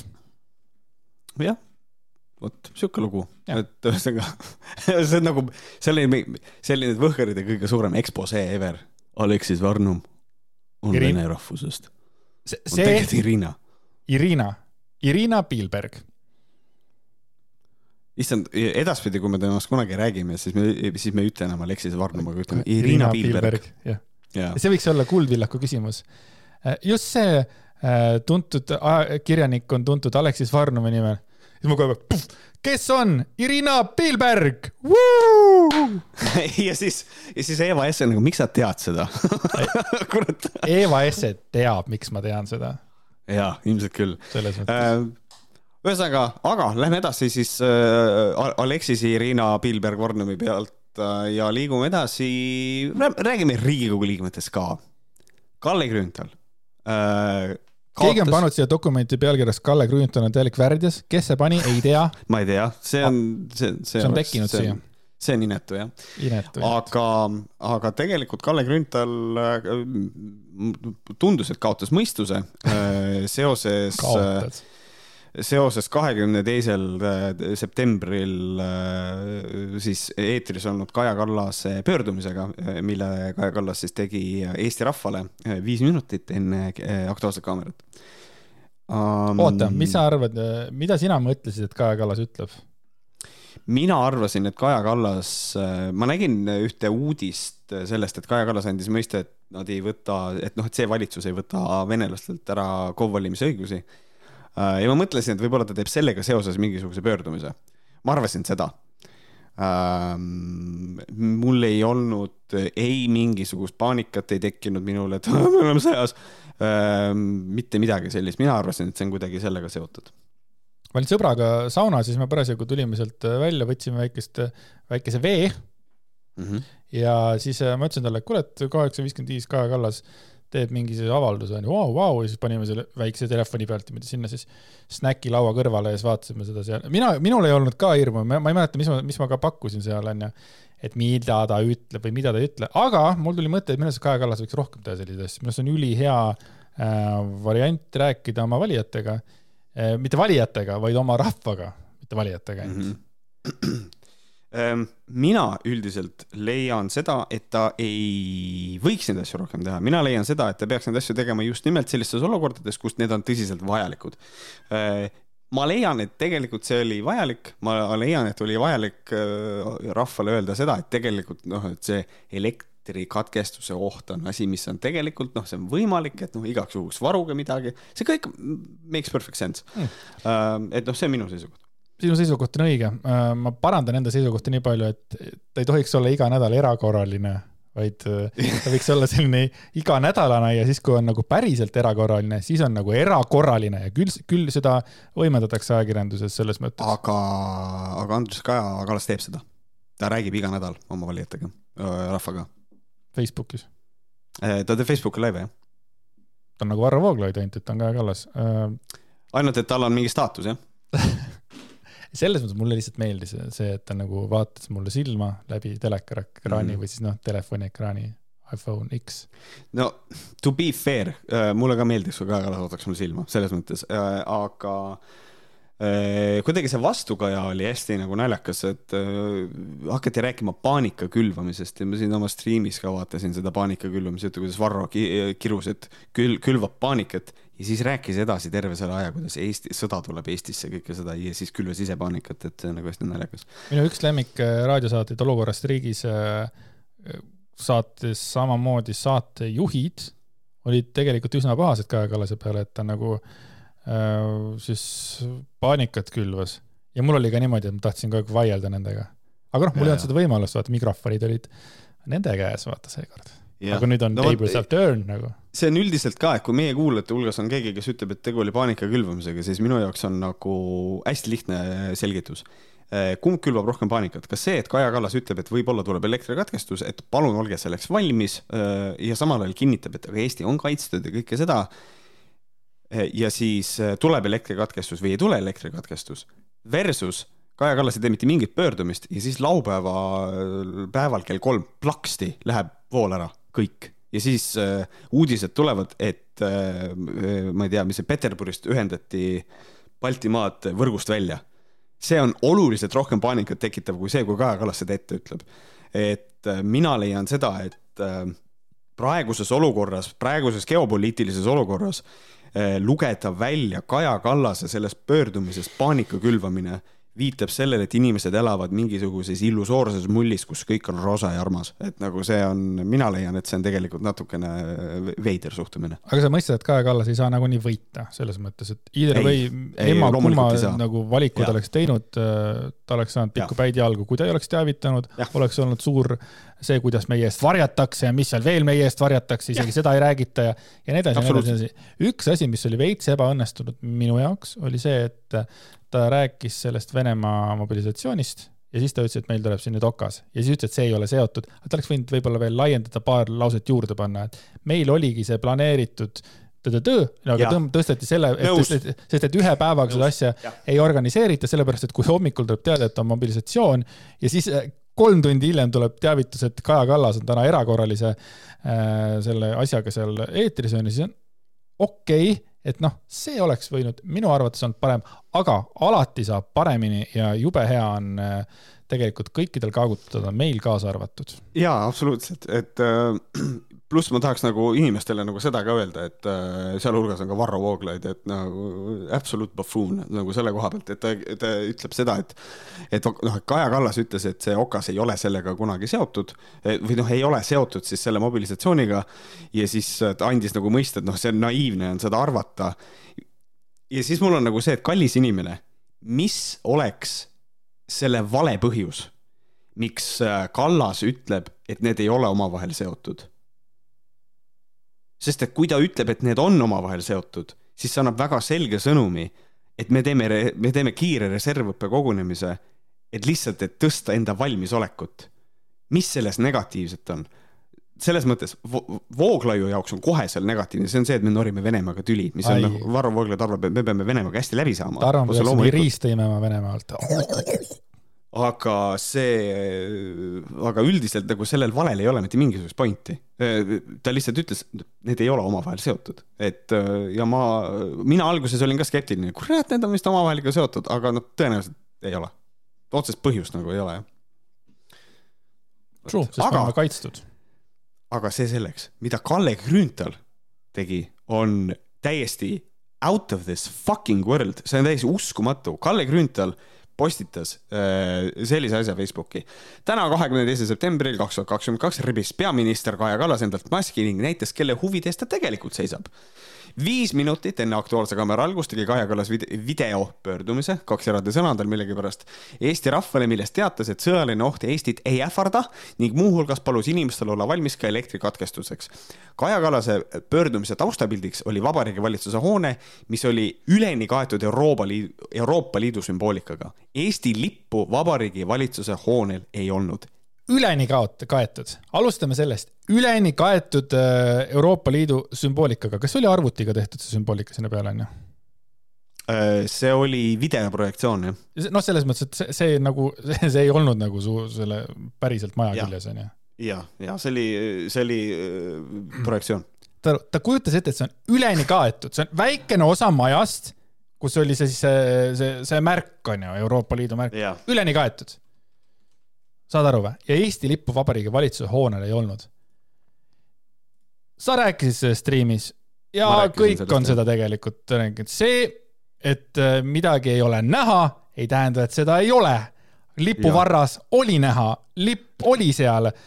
et Kalle Grünthal jaa, Kalle Grünthal on täiesti putsis vana, täiesti putsis vana, no see on ebareaalne lihtsalt, niisugune, jah, on tõesti, M, U ja veel kaks tähte. see on lihtsalt äh, nagu selle koha pealt, noh, ta on ikka täielik. et, et nagu see on uskumatu ja eriti on veel kommentaariumites on see ka, et inimesed kirjutasid alla, et noh, et, et ei olnud vappi ka mitte midagi, türa küll, sorry, kuradi idioodikari. Stenbocki majal on peal vapp, see oli suurelt ka seal näha. millest te räägite? see, et sa ei tunne ära Eesti Vabariigi vappi, ei tähenda, et seda seal ei ole, see tähendab seda, et sa oled seinapõrkega sündinud. see on, need on kaks täiesti erinevat asja, sa oled ise süüdi selles, et sa ei tea, milline on Eesti Vabariigi fucking vapp ja et sa ei näe, lipumast on seal üleval. see on see on minu jaoks täiesti uskumatu, et nüüd edaspidi siis Kalle Grünthali maailmas on niimoodi, et kui me näitame Stenbocki maja, siis me peame, peame videoga vaikselt Eesti riigilippu kuskil kõrval näitama, sellepärast muidu me rikume seadust või? iga inimene, kui ta pildistab Stenbocki maja niimoodi, et lipp jääb kaadrist välja, siis, siis rikutakse Eesti lipuseadust tema arvates. see, see inimene ma ei, ma ei oska öelda, räägi, siin on Joe Biden on liiga vana ja ta ei sobi presidendiks, sest et ta mõistus ei ole korras. halloo, meil on kodus selline inimene olemas, nagu ta istub Riigikogus ja ta on, no konkreetselt täielik. ma, no Ando Tõnumaa ütles, et Ando Tõnumaa ütles, et Kalle Grünthal peaks olema Eesti peaminister. mulle meeldiks, kui ta oleks Eesti peaminister, sellepärast et siis oleks niimoodi, et siis äh, siis oleks võib-olla näha seda, kuidas ühel hetkel lihtsalt äh, prahvatab vimm ja, ja keegi paneb Stenbocki maja põlema siis päriselt. koguned salaja, ma eeldan. ja ei, salaja loomulikult. ja see ka minu arvates see, Facebookis. see, et see Euroopa Liidu äh, asjad seal peal olid, on minu arust väga okei okay,, arvestades sellega, et me oleme, et me oleme Euroopa Liiduna ühtne. see on tore ju, kui me oleme ühtselt nagu ka nagu, nagu pildis, no minule vähemalt tundub see nii, aga ma olen arvatavasti ka kinni makstud loll Reformierakonna koer. minul ei ole seda öeldud muidugi. ja, ja seda saab järeldada põgusa pealevaatamise pealt. True, sest ma olen Ähm,, aa, ma olen liiga ilus või? ja sa oled, sa oled ikka kena inimene. True ja mul on kallid äh, riided, kallid kõrvaklapid ja pult. jah, just siis ja siis ta viitab, Kalle viitab ka Eesti lipuseadusele, mis sätestab, et Vabariigi Valitsuse hoonel Eesti lippu ei langetata, see lehvib seal alaliselt ja siis veel Vabariigi Valitsuse hoonele võib Euroopa Liidu lipu heisata vaid koos Eesti lipuga ja sedagi vaid kahel juhul.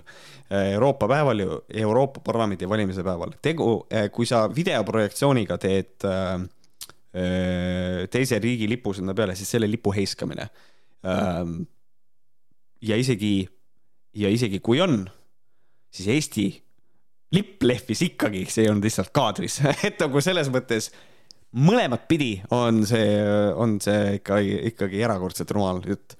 ja siis äh, muidugi noh, kuna Kalle on meil ajaloolane vist, siis ta ütleb, et me te, me teame väga hästi sõja ajaloost, milleks heisatakse oma lipp vastase tähtsamatel hoonetel. sellega sümboliseeritakse selles piirkonnas võimu võtmist enda kätte. kui aga oma lipp heisatakse vastase valitsuse hoonel, siis on võim tervikuna vastase riigis üle võetud. täielik fantaasia. jah, ja kogu meie see võim on üle võetud. ja seda nad räägivad fucking kogu aeg, istuvad ise Riigikogus ja räägivad, kuidas Euroopa Liit meile kõik asjad nagu ette kirjutab.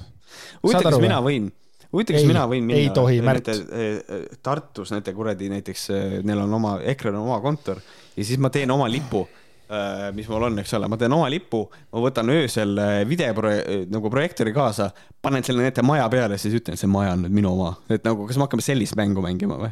nagu see loogika on. see on. armas, aga mina nägin näiteks, et Elvasse tuleb Gert Kingo rääkima. ma mõtlesin korra selle peale, et äkki läheks. Märt, mis sa arvad? Elvasse Gerd Kingot kuulama või? Sul on siis... õige, sa elad teises Eesti otsas. True, see ei ole praegu nii, et aga kuule, ma võtan su peale, et no kümne metsa pärast äh, tulen. ei, kaks tundi või? kaua ma sõidan sinu juurde? kaks pool. oleneb autost, vaata. Ah, sul on uus Audi, sul on uus Audi, kakskümmend minutit. see ka, aga kui ma olen äh, Kass ja Shakt Šamotailo, siis ma võib-olla sõidan mingi neljateist minutiga. jah. teen uue Bemmiga. ja, ja ühesõnaga ja nüüd, mida Grünthal siis annab nagu mõista seda, et, et Kaja Kallas, noh, ühesõnaga ta annab üldiselt mõista seda, et Kaja Kallas justkui oleks nagu ise selle tausta sinna valinud ja kõike seda, kuigi tegelikult see pöördumine, see toimus mulle teadaolevalt vähemalt puhtalt visuaali pealt ütlen seda, et minu arust see oli ERR-ist uudistestuudios tehtud. Äh, ja ega sinna, ega Kaja Kallas ei lähe USB pulgaga sinna, ütleb, pange see taustapilt kindlasti. ma täiesti kindel, et seda tegi, tehti koha peal, see ei olnud Kaja Kallase valik. Jaa, ma olen täiesti kindel, et Kaja Kallas ei läinud, et oh, see oli tema asi, tema tuli tema... sinna juttu rääkima. temal oli sõnum, mida edastada, mitte nagu see, et äh, tore oleks see, et äh, nii ja, aga nüüd kõige tähtsam asi on see pilt äh,, taustapilt, kas te saate panna palun Stenbocki maja pildi, aga niimoodi, et lipp jääks välja. ja, ja, ja kas saaks niimoodi teha, et äh, kui inimene on nagu massive lollakas, siis ta ei saa aru, et äh, Eesti Vabariigi vapp on ka seal peal, midagi sellist et äh, ja siis kõigest sellest järeldas Kalle Grünthal, et Kaja Kallas võttis maski eest ära ja näitas, et ta teenib ainult Euroopa huve. üleni, sest Vabariigi üleni. Valitsuse hoone on kaetud üleni Euroopa Liidu sümboolikaga ja sellest, et ta ei näinud Eesti lippu ja oli mingisugune väikene vapp või, siis mm -hmm. Kaja Kallas võttis maski eest ja kelle huve ta siin nagu, ma räägin, täielik sitaviidik uskumatu ja mul on lihtsalt nagu, mul on lihtsalt nagu see, et, et nagu kõik teised inimesed nagu tegelesid sellega, et noh, kas see külvas paanikat, kas see tekitas inimestes hirmu, see teadaanne ja siis, aga Kalle Grünthalil oli ainult üks asi ja see oli see, et ta ei näinud Eesti lippu. ja kuula nüüd, siit edasi on ka igati mõistetav, miks Kaja Kallas ei soovi midagi ette võtta inflatsiooni ohjeldamiseks, energiahindade alandamiseks ja ka rahva heaolu alandamiseks. mis on mõistetav? selgita mulle, mis siis sellepärast, et tal ei olnud Eesti lippu või, mis, kus see siis nagu siin heaks teeb, mis see siin nagu head teeb siis? selgita noh, Kalle, putsi küll noh. Ja, ja, ja tegelikult kõik see on nagu suht naeruväärne, aga siis me jõuame selle kõige nõmedama koha peale, millega selle teema saab ka kokku võtta, on see, kus kohas ta ütleb.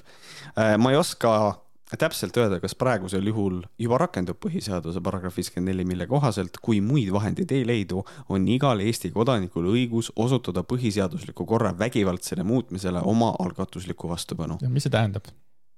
kas ta kutsus tähendab, praegu siis nagu inimesi, et lähme? see, ta otse, noh, siin kindlasti ei ole otsest kutset, aga siin on selline koeravile sees. see paanika õhutamine nagu ei ole või? mul on tunne, et Kalle Grünthal õhutab paanikat praegu siukse, teeme revolutsiooni, siuke bussi ees Eesti keskealine valge mees üritab revolutsiooni teha oma tugitoolist, kirjutades läpakas mingisugust kuradi sitta kokku, et noh, selles mõttes see on siuke. ta on, ta on ka vabadusvõitleja ikkagi, ta jonnib, vaata, kui ta ei saa sisse, kui tal ei ole vaktsineerimispassi käepärast või, ta ei pane massi ette, no see on kuradi, suured tugevad Eesti mehed ikka raisk. Oh,, hea vaadata. jep, jep aga ikkagi aga..., mida on veel vaja, kui Vabariigi Valitsuse hoonet teeb võõras lipp, mille on heisanud Eesti peaminister Kaja Kallas, saad aru või? Kalle Grünthal ja. arvab, et Kaja Kallas heiskas ise lipu. peale selle, et ta tuli USB pulgaga ja ütles, et kuule, pane nüüd see niimoodi, et peaasi, et Eesti seda näha ei ole. siis ta läks hommikul. siis see pilt oli ka veel tehtud ise. ja siis ja siis ta ise nagu muudkui aga laseb selle lippu hommikul üles, õhtul alla, ei kogu aeg ma ise mõtlen tegelikult seda, et huvitav, äh, keegi ERR-i, ERR-i arhiivist võiks tegelikult, äh, ma ei, mul seda infot ei ole, öelda, millal see pilt tehtud on. sest et mõtle, kui naljakas oleks see, et see pilt, see foto sellest Euroopa Liidu, sellest sümboolikast on tehtud EKREIKE valitsuse ajal vaene Kalle et nagu see oleks eriti fun.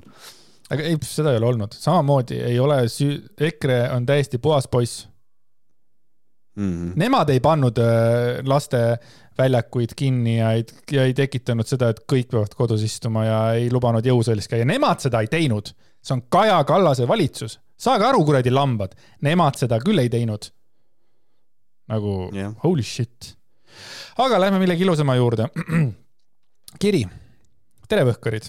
Teile kirjutab üks väga frustreeritud neljanda kursuse arstitudeng. see on siis see, mis Võhkarite jaoks on ilus Äh, nimelt on minu kursusekaaslaseks sattunud vähiravifondis tegutsev ajakirjanik Toivo Tänavsuu hmm.. Toivo on kõik need neli aastat teinud oma Facebooki seinale niinimetatud arstitudengi päevikuid. kuigi alguses oli kõik pigem lustakas ja rõhk sellel, kuidas Toivo on üks dinosaurus meie noorte keskel, siis nüüd neljanda kursuseks, neljandaks kursuseks on asi minu arust päris hapuks läinud. Toivo postitab kord kuus enda ajavoogu oma mõtteid, õpitust, millest õhkub minu meelest arstile väga mittekohaseid vaateid ja lisaks annab ta kommentaariumis platvormi inimestele, kes on peale postituse lugemist justkui päris arstilt saanud kinnituse oma valearusaamadele modernsest meditsiinist kirjutan teile, sest minu jaoks on huvitav, mida teie arvate. esiteks, mida arvate postitustest ja kas arstil, arstitudengil on kohane sellist sisu toota? on ju varemgi olnud arste, kelle seisukohad panevad kukalt kratsima, aga sellisest arstitudengist mm, pole mina veel kuulnud. omakeskis teiste kolleegidega oleme mitmel korral arutanud, kas see on ka koht, millesse dekanaat peaks sekkuma, ühesõnaga, kui ka teie jaoks vastuoluline teema, kuulaksin huviga teie arutelu selle üle. siin on kaks näidet. ja siis on kaks näidet. Märt, kas sa jõudsid need kaks näidet, näidet ka üle vaadata? Äh, põgusalt lugesin neid jah. Äh, ma, ma, tähendab, ma esialgu, ma juba enne seda, kui me nendest näidetest räägime, siis minu nagu seisukoht on nagu see, et äh, ehm, üldiselt äh, mina arvan, et kui tunne on selline äh, nagu teistel, siis dekanaati võib absoluutselt pöörduda äh,. sellepärast, et siin võib olla lihtsalt nagu asi selles ka, et ähm,, et kui me noh, ma lugesin neid äh, Toivo neid äh, postitusi ja sealt võib lihtsalt välja lugeda siukseid võib-olla natukene ebaõnnestunult kirja panduid äh, mingisuguseid mõttekohti või asju mis võib-olla ei ole mõeldud päris nagu niimoodi, nagu need võib-olla välja kukuvad. Aga sellegipoolest ma soovitan võib-olla dekanaati pöörduda puhtalt nagu sellepärast, et võib-olla dekanaat saab nagu Toivoga rääkida, öelda seda, et noh, tegelikult vaata, siin on nagu see, et kui sa õpid arstiks siis sa pead arvestama sellega ka, et sul on nagu noh, võib-olla see on natukene nõme seda öelda, et nagu mõnes mõttes see on see, et noh, seisus kohustab või nii. et sa pead natukene nagu järgi mõtlema, et noh, tegelikult inimesed on idioodid ja nad arvavad, et sa oled juba full blown arst, kes ütleb mingisuguseid asju ja nemad saavad selle pealt kinnitust, et lihtsalt mõtle need asjad läbi.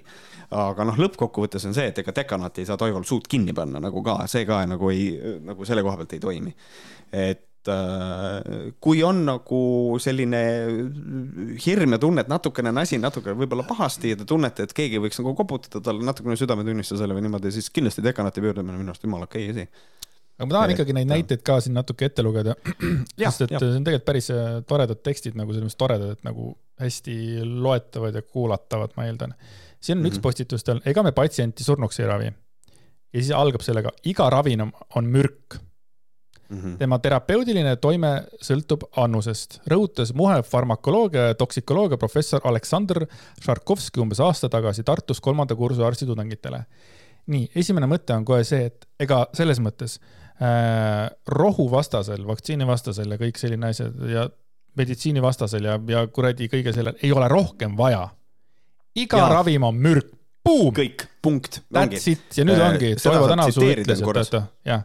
ja, ja siis mm, ütleme, kus oota korra, nii äh,. meil on haiglas suured kapid otsast ääreni ilusat mürki täis, ilusad värvilised karbid, nunnud apteet, apetiitsed tabletikesed, mokapärased nagu M&M's kommid, osa mürki vedelalt, osa tahkelt, osa isegi seifis luku taga. jälle väga putsis nagu selles mõttes äh, nagu väljendatud tegelikult selles mõttes jälle, et nagu lollil ongi nii, et meil on haiglas suured kapid yeah., otsast ääreni ilusat mürki täis, boom, jälle, that's it rohkem pole ja, vaja.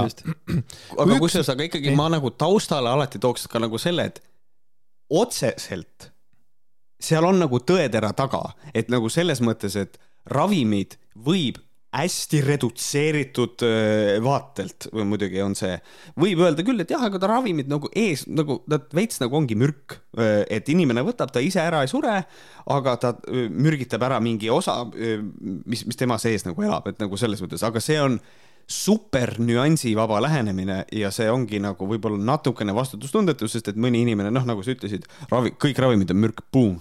see on nüüd, see on nüüd see mantra, mille järgi ma elan, et noh, et point on õige. ja siis ta räägib siin, kuidas ta andis terve hunniku asju ühele patsiendile ja siis ta ise hakkas ka mõtlema, et äh, ega me vaesekest äh, ära ei mürgita, teda ometi surnuks ei ravi, onju. ja siis ta kirjutab, ka vaktsiinid on ravimid. kõik need blablabla, mis Eesti inimestele kohe aasta jooksul õlga pandud on ravimid, noh, ta ütles siis koroonavaktsiinid, siin erinevaid palju nimesid, mida ma ei oska lugeda, onju. et ta ütleb, et iga, iga rohi on mürk, on ju, siis tuleb, et ka vaktsiinid on ravimid, ahaa, vaktsiin on mürk, buum, me oleme rääkinud seda kogu aeg, et vaktsiin on mürk. ma saan väga hästi aru, mida mõtleb tegelikult arstitudeng, kui ta loeb seda, eks ole, Toivo mm -hmm. poolt kirjutatud teksti. on mõistetav, et vahel ei ole maailmal aega ega kannatust ravimitega tehtavaid inimkatseid päris lõpuni viia, aga kasutada hurjutavat, ähvardavat, hirmutavat ja manitsevat massikampaaniat selleks, et sundida inimesi mingeid ravimeid võtma, ravimeid võtma ja siis on veel oeh ka pannud Toivo sinna. jaa, nii, ja siis äh, teine postitus, millele siis meile, mis meile siia kaasa pandi, oli see, et HIV-positiivne olla on väga kasulik. jah, nii tuleb välja. sellise jahmatava järelduseni võisime jõuda kliinikumis äh, infektsioonihaigeste õppetsüklis, mis päädis täna arstitudengite neljanda kursuse kuuenda rühma eduka arvestusega. asi olla nimelt selles, et HIV ei ole kaugeltki enam surmahaigus, nagu ta oli varem. eluaegne antiretroviirusravi on nii tõhus, et sellega elab oma päevad nii-öelda täis rahulikult kasvõi sajani välja, ilma et areneks välja kole lõpp-AIDS. ravi maksab vist küll umbes neli tuhat, nelikümmend tuhat eurot aastas patsiendi kohta. kuid see on maksumaksjate solidaarsusetel õlgadel. aga miks siis on kasulik olla HIV-positiivne, sest siis oled infektsiooniarstide regulaarse järelevalve all kui terve inimene sooviks näiteks igal aastal enda ter terviseauditi teha, peab ta selle eest ise tasuma umbes nelisada kuni viissada eurot. Toivo Tänavsuu jõudis sellise arusaamani, et, et, et jube mugav on olla AIDSi haige, sellepärast et siis saad, HIV-i haige, mitte AIDS, vaid HIV-i. vabandust, saad olla HIV positiivne, et siis kui sa oled HIV positiivne, siis jube hea olla, sellepärast et siis sa saad endale igal aastal terviseauditit põhimõtteliselt teha. nagu jaa, selles mõttes Nagu see... armas, nii. See ei ole privileeg nagu selles mõttes, sa oled HIV positiivne, nagu kogu su elu on, sa pead kogu oma elu arvestama sellega, et sa, sa oled HIV positiivne. Ja nüüd öelda seda, et jube kasulik on olla, et noh, jällegi see on, see on nii nüansivaba jutt eh, selles mõttes, et noh, see on, ta maksab selle muja, ta maksab selle nagu teiste asjadega kinni oma elus, mingite sotsiaalsete asjadega nagu.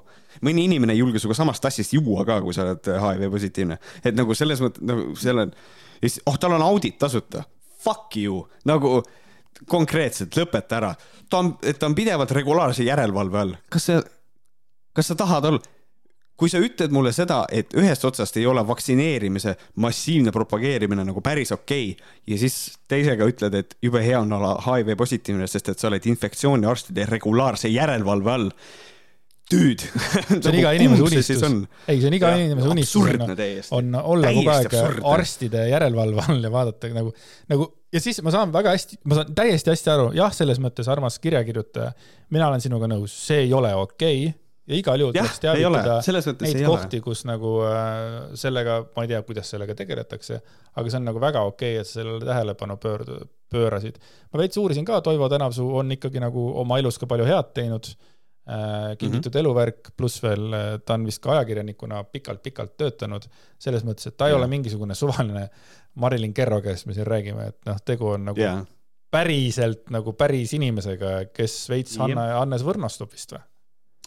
Äh, ma ei tea, võib-olla või, või tal on mingisugune väga, ma ei tea, hästi veider on seda lugeda jah, et selles mõttes. minul on kaks asja, mis ma tahan öelda. esiteks, võib-olla äh, on selle, tema kirjutistega selline asi, et need justkui peaksid olema mõeldud arstidele, kes õpetavad meditsiini ja meditsiini õppivatele äh, inimestele mitte kõrvalistele inimestele, kes võivad kogu sellest jutust täiesti valesti aru saada. ja teine asi, mis ma tahtsin öelda, on see, et minge dekanaati. kõik. kas sa saad dekanaati? kus sa saad? sa saad minna. Nii ta on jah. vot. Aitäh selle kirja eest igatahes. Aitäh Toivole ka.. Toivole ka aitäh ja kirjas ka suur, suur, suur, suur tänu, aitäh. võtame siis viimase väikse postituse ka. võtame viimase väikese postituse äh,. nagu ikka saates viimaseks, et kui, kui kedagi tõsiselt ei huvita, siis you can tune out, aga see on hästi lühikene, see on hästi lühikene.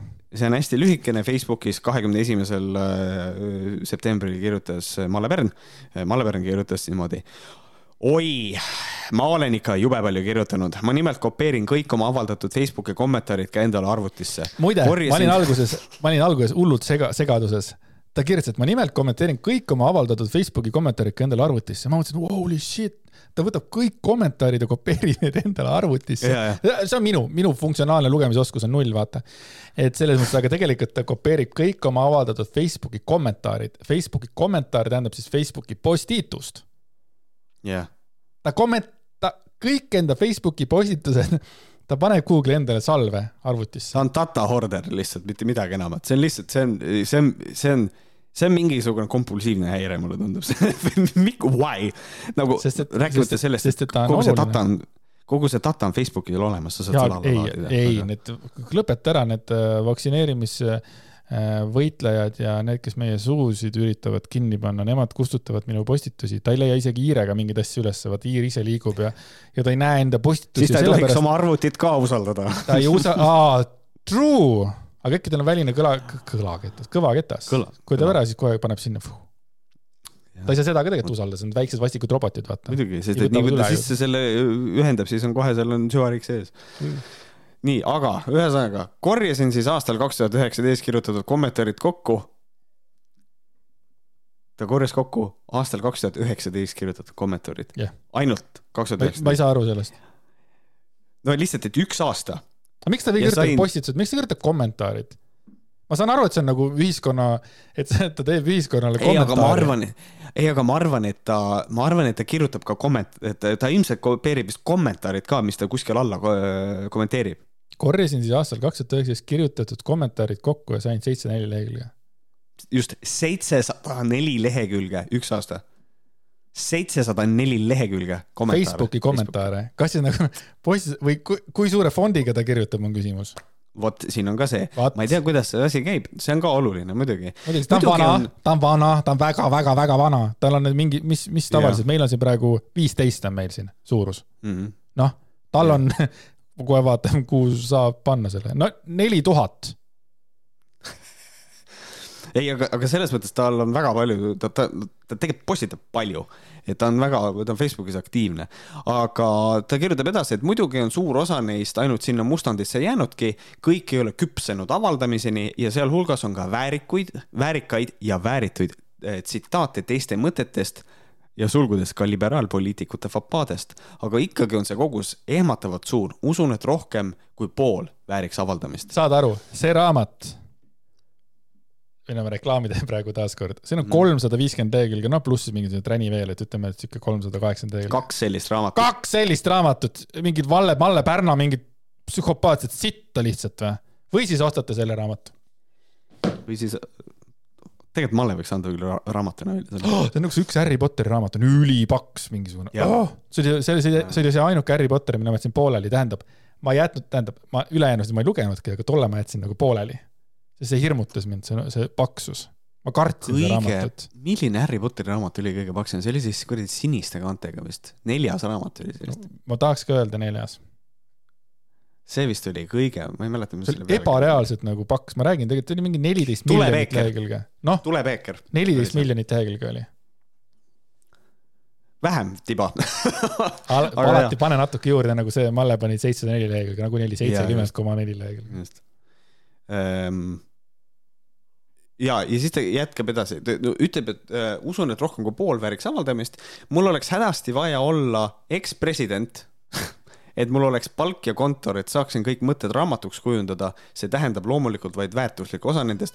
What the fuck, dude, aga sa võid ju lihtsalt kellegi palgata või mingi tuttava, et ta teeks sellest raamatu. ei no alustame sellest, et ta on fucking pensionär, tal on seda aega. Ta põhimõtteliselt ongi ekspresident., selle asemel, et, et kirjutada oma järgmisi lollakaid kommentaare, võib-olla sa siis teed oma raamatu valmis. jah, ja kui tal raha ei ole, siis ta võiks ju kuradi võtta oma sõbra ja koos paluda seal kerjata raha natukene objektiivis. kui see raha tuleb, no hui ei tule või? muidugi tuleb. mallepärn.ee ja kui te saate aidata, on tore. nagu lase käia, jumala eest, kes see keelab. Ja siis äh, äh, ühesõnaga, et loomulikult vaid väärtuslik osa nendest, siis eks seal ole ka uitmõtteid, mis ei vääri alleshoidmist. noh, kui ma ise eluajal ei jõua, siis ehk leidub mõni hull, kes oma mõtetest hoolib ja avaldab need peale mu surma. ta ikkagi ei see ole on- seniilne. ta saab aru asjadest., aga see, see on tark. see on nagu siukene korra siuke, me näeme Malle Pärna nagu seda poolt, kus kohas ta on leppinud sellega, et ühel hetkel elu lõpeb surmaga ja viimane lõik, samuti panin kokku eelmisel aastal avaldatud artiklid, lasen need käsikirjaks köita. Neid sai kakssada viiskümmend kolm lehekülge. pealkirjaks panin esialgu tilluke, rahvakilluke. Lumikelluke. Tilluke, rahvakilluke. Yeah. tilluke, rahvakilluke et see isegi sobiks paremini siia, sest et. see võib-olla sobib. Holy shit, kui ta, saad aru, on mõned inimesed, kes ei tohiks raamatut kirjutada. ma ütlen sulle kohe, Ants Rooslane, Kris Kala. Too late, too late. Kirsti Timmer. Too late. Malle Pärn. ja tegelikult, kui ma saaks ajas tagasi minna, siis ma läheks siis, kui Varro võttis kätte oma selle Sule, ta ka arvatavasti kirjutab Sulega ja Küünla või Peeru valgel ja hakkas kirjutama seda homoseksuaalide äh, äratundmise raamatut, et valed ja, ja siis ma läheks sinna ja teeks mingisuguse asja. see raamat ei oleks pidanud ka ilmuma, see oli üks inetu raamat. mina, ma, keegi võiks teha siukseid nagu noh, vaata olid vahepeal hästi popid need elulooraamatud, keegi võiks vaata Vooglaius ka teha ja ma te, ja ma veel kujundaks selle raamatu niimoodi, et see oleks tema nägu suurelt ja habe oleks näha ja siis ma laseks raamatu külge kinnitada nagu siukse fake habeme, et nagu Varro habe oleks nagu raamatu külge tripukas. see oleks väga lahe. siukene asi, siukene asi oleks vaja ära keegi teine võiks selle kirjutada, mitte tema ise, sest see oleks, ma kardan, kardan, et see oleks liiga rüütellik, kui ta ise kirjutaks. vaat see on, alati on see, kui keegi ise kirjutab endast raamatu, siis see on siukene imal pask, vaata, aga keegi teine kirjutab, see on kõrvalt, ta näeb tegelikult, vaata, ja uurib natuke mm -hmm. inimest ja, ja värki, onju ma võiks ise, ei, mul ei ole aega nii palju, et Malle Pärnaste raamatut kirjutada. ei, ma ei tahaks Malle Pärnaste raamatut kirjutada. tilluke rahvakilluke tilluke rahvakilluke. oled mu väike lumikelluke äh,. aga äh, olgem ausad, mida me saime. aitäh, Malle. me võime panna selle tänase episoodi pealkirjaks. tilluke rahvakill, rahvakilluke. True, et äh, esimene variant täielik uhuu-saade Dua Ja. vist kukub ära, sest huusid oli vähem kui äh, EKRE poliitikuid. natuke vähem, ma arvan, et tilluke rahvakilluke on good enough. tere, ta situb täis ennast, kui ta näeb seda kuskil, no ta, ta, tal ei jookse arvatavasti meie ees, et ei näe, ei näe. ei, see, ei ma, ei ma nagu ja ei põe selle peale. ja see, ei, ma ka ei pea, sest see on homaaž, come on, kui selles mõttes ma, ma panen käe südamele, kui Malle Pärn annab selle asja välja, tilluke rahvakilluke, siis ta saab shout-out'i sellest kohe, tasuta reklaam see, come on. aga, oota, mul oli mingi mõte. putsi, mul läks mõte jälle ära, näed, näed, jälle, jälle. see on, ma pean arstile minema, ei ole siin midagi teha. jah äh,, Toivo Tänavsuu võtab vastu äh, mine vaata tal Facebookis, võib-olla ta saab sind näidata. ja jälle jään hiljaks, mul on pult kaugel jah, see käel on hästi pikk, äh, on hästi pikk trajektoor sinna. kuigi mul on pikad käed, aga pult on lihtsalt nii kaugel. tuba on ka nii suur peale selle, et mul on head riided, head kõrvaklapid, hea pult, tuba on suur Äh, aga siinkohal on väga hea segway teha sinna, et meie ei ole Andresega kokku äh, arvutanud Kolinud. seda, et ähm, ei kokku ega me, et kui, et kui palju video või helimaterjali meil järjest on, antud hetkel me võime öelda, et meie dokumendi pikkus on kakssada kakskümmend seitse lehekülge. ja seal on mingi viimased ja... viis saadet, sest et äh, ei kannata. Mm, mul tuli meelde. kui keegi tunneb, et. mul tuli meelde, mis ma öelda tahtsin, vaata Mälli Pern äh, kogub kokku kõik kommentaarid, mis on tema kohta kirjutatud ja see mis iganes. äkki ta lindistab ka meie saateid, kui tuleb Malle Pärnast juttu, siis ta paneb niimoodi, paneb kaks nuppu alla, vaata see on see, kas nagu kassetil vaata, et see lindistamisnupp ja siis või ja siis siis see kuulamisnupp vanasti oli niimoodi mm, -hmm. vajutab alla ja siis ta nagu lindistab need ka ja siis tal on see ka träni. issand jumal, Malle, sa ei pea niimoodi tegema, võta küsi faili. võta, võt, võt, kas sa küsid faili või sa lähed Youtube'i äh,, lihtsalt äh, võtad Youtube'i lingi, vajutad sinna peale Youtube'i järgi, E järgi äh, vajutad, paned PP kirjutad PP, vajutad enter ja siis sa lähed saidile, kus kohas sa saad video või helifaili alla laadida, see on jumala lihtne, ära näe nii palju vaeva. mina, mina äh, kasutan Youtube Converterit Äh, see on ilmselt sama asi. Äh, same, same but different. Sa tahtsid hakata Patreoni äh, reklaami? jaa, ma tahtsin öelda seda, et kui keegi tahab näha seda kakssada kakskümmend seitse kuradi lehekülge dokumenti, mis meil eksisteerib, siis see on meil olemas Patreonis, patreon.com kaldkriips Vohkarid ja te saate kümne eurose, kümme eurot kuus, te saate ligipääsu meie dokumendile ja te saate ka lisasaate. kui teid dokument ei huvita, siis viie euroga saate te ligipääsu meie lisasaatele ja kui teil on soov meid lihtsalt toetada mingisuguse väiksema summaga, siis ka see on võimalik ja selle eest meil on lihtsalt äh, tänu, mis on lihtsalt. see on nii tagasihoidlik lisasaatega. meil on fucking peaaegu nelikümmend lisasaadet, see on ebareaalne. Üle-eelmine Patreon, Bemmi Merru, ülipopulaarne saade. meil on seal üks sihuke saade, mille nimi on Täieliku Huu saade. ülipopulaarne saade, seal on siukest, siukest kraami, et ah kui eitab ära noh ebareaalne. aa, Tšiki Reiki oli ka kõva ja, ja oi, pljääd. jah, et seal on väga, seal on, seal on väga palju lisa li,, lisasaateid, mida te saate vaadata äh, ja kuulata, kui teil on soovi. Äh, lihtsalt pöörduge meie Patreoni lehele. kas sa ikka ja tunned iga kord ennast ebamugavalt, kui ma hakkan hullult kiitma meid või? Jaa, ikka mm, ikka. ma ei tee seda sellepärast on..., et sul oleks valus, vaid see on nagu osa minust nagu, et noh. ma täna, kusjuures ma täna ütlesin äh, Liisale seda, et äh, minu kõige suurem viga on see, et mina ei os-, ma olen hästi halb promootor. see on sinu suurim et, viga või, hui äh, see on minu suurim viga, et nagu ma vaatan imestuse ja, ja lihtsalt kadedusega seda, kui hästi sina suudad promoda kõike et see on lihtsalt juba nagu see, et äh, tänase saate working title oli tä täieliku Who saade Doa mm. -hmm. sellepärast, et okei okay,, keegi mõtleb, okei okay,, aga part nagu toa, et kus see esimene on? Fucking Patreon, Andreas see on nagu lihtsalt jesus, that's genius. aga kuna meie saate nagu teemad natuke muutusid, siis nüüd muutus ka pealkiri, onju. aga still, it's genius marketing selle koha pealt, see on nagu, see on väga hästi, mina ei oska siukseid asju teha, ma mõtlen hoopis teistmoodi seda ma tean, et sa mõtled teistmoodi. Ja see What? on äh, väga meeldiv on kuulata, kuidas sa mõtled see on nagu lihtsalt, Andres, okei okay,, ma pean midagi ütlema oligi, oligi täpselt nii. sa tunned mind nagu enda pihku. Äh, ja keegi tunneb veel väga hästi minu pihku. Äh, ühesõnaga, aga selline oli meie haigushoog number viiskümmend kaheksa suur aitäh kõikidele kuulajatele. Äh, shout out ükskord veel meie vapustavale kaassaatejuhile Andres Jääger, äh, kes täna. vale. vale.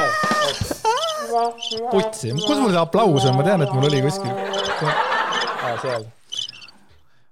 keerasin vait. kollane, see on see aga tead, mis on, mul ei ole enam kollast. ma võtsin kõik viis tükki läbi ja, ja mul ei ole enam seda see on nüüd esimene kord, kus kohas äh, võhkerid on meie, meie kuulajad on nagu, mida vittu te teete praegu What is this noise? Äh, palun vabandust, aga üks, äh, viimane kord veel promo, meil on patreon.com, koldkriips vohkarid ja te võite meile kirjutada võhkarid at gmail.com. tähte ei ole, see on number kuus.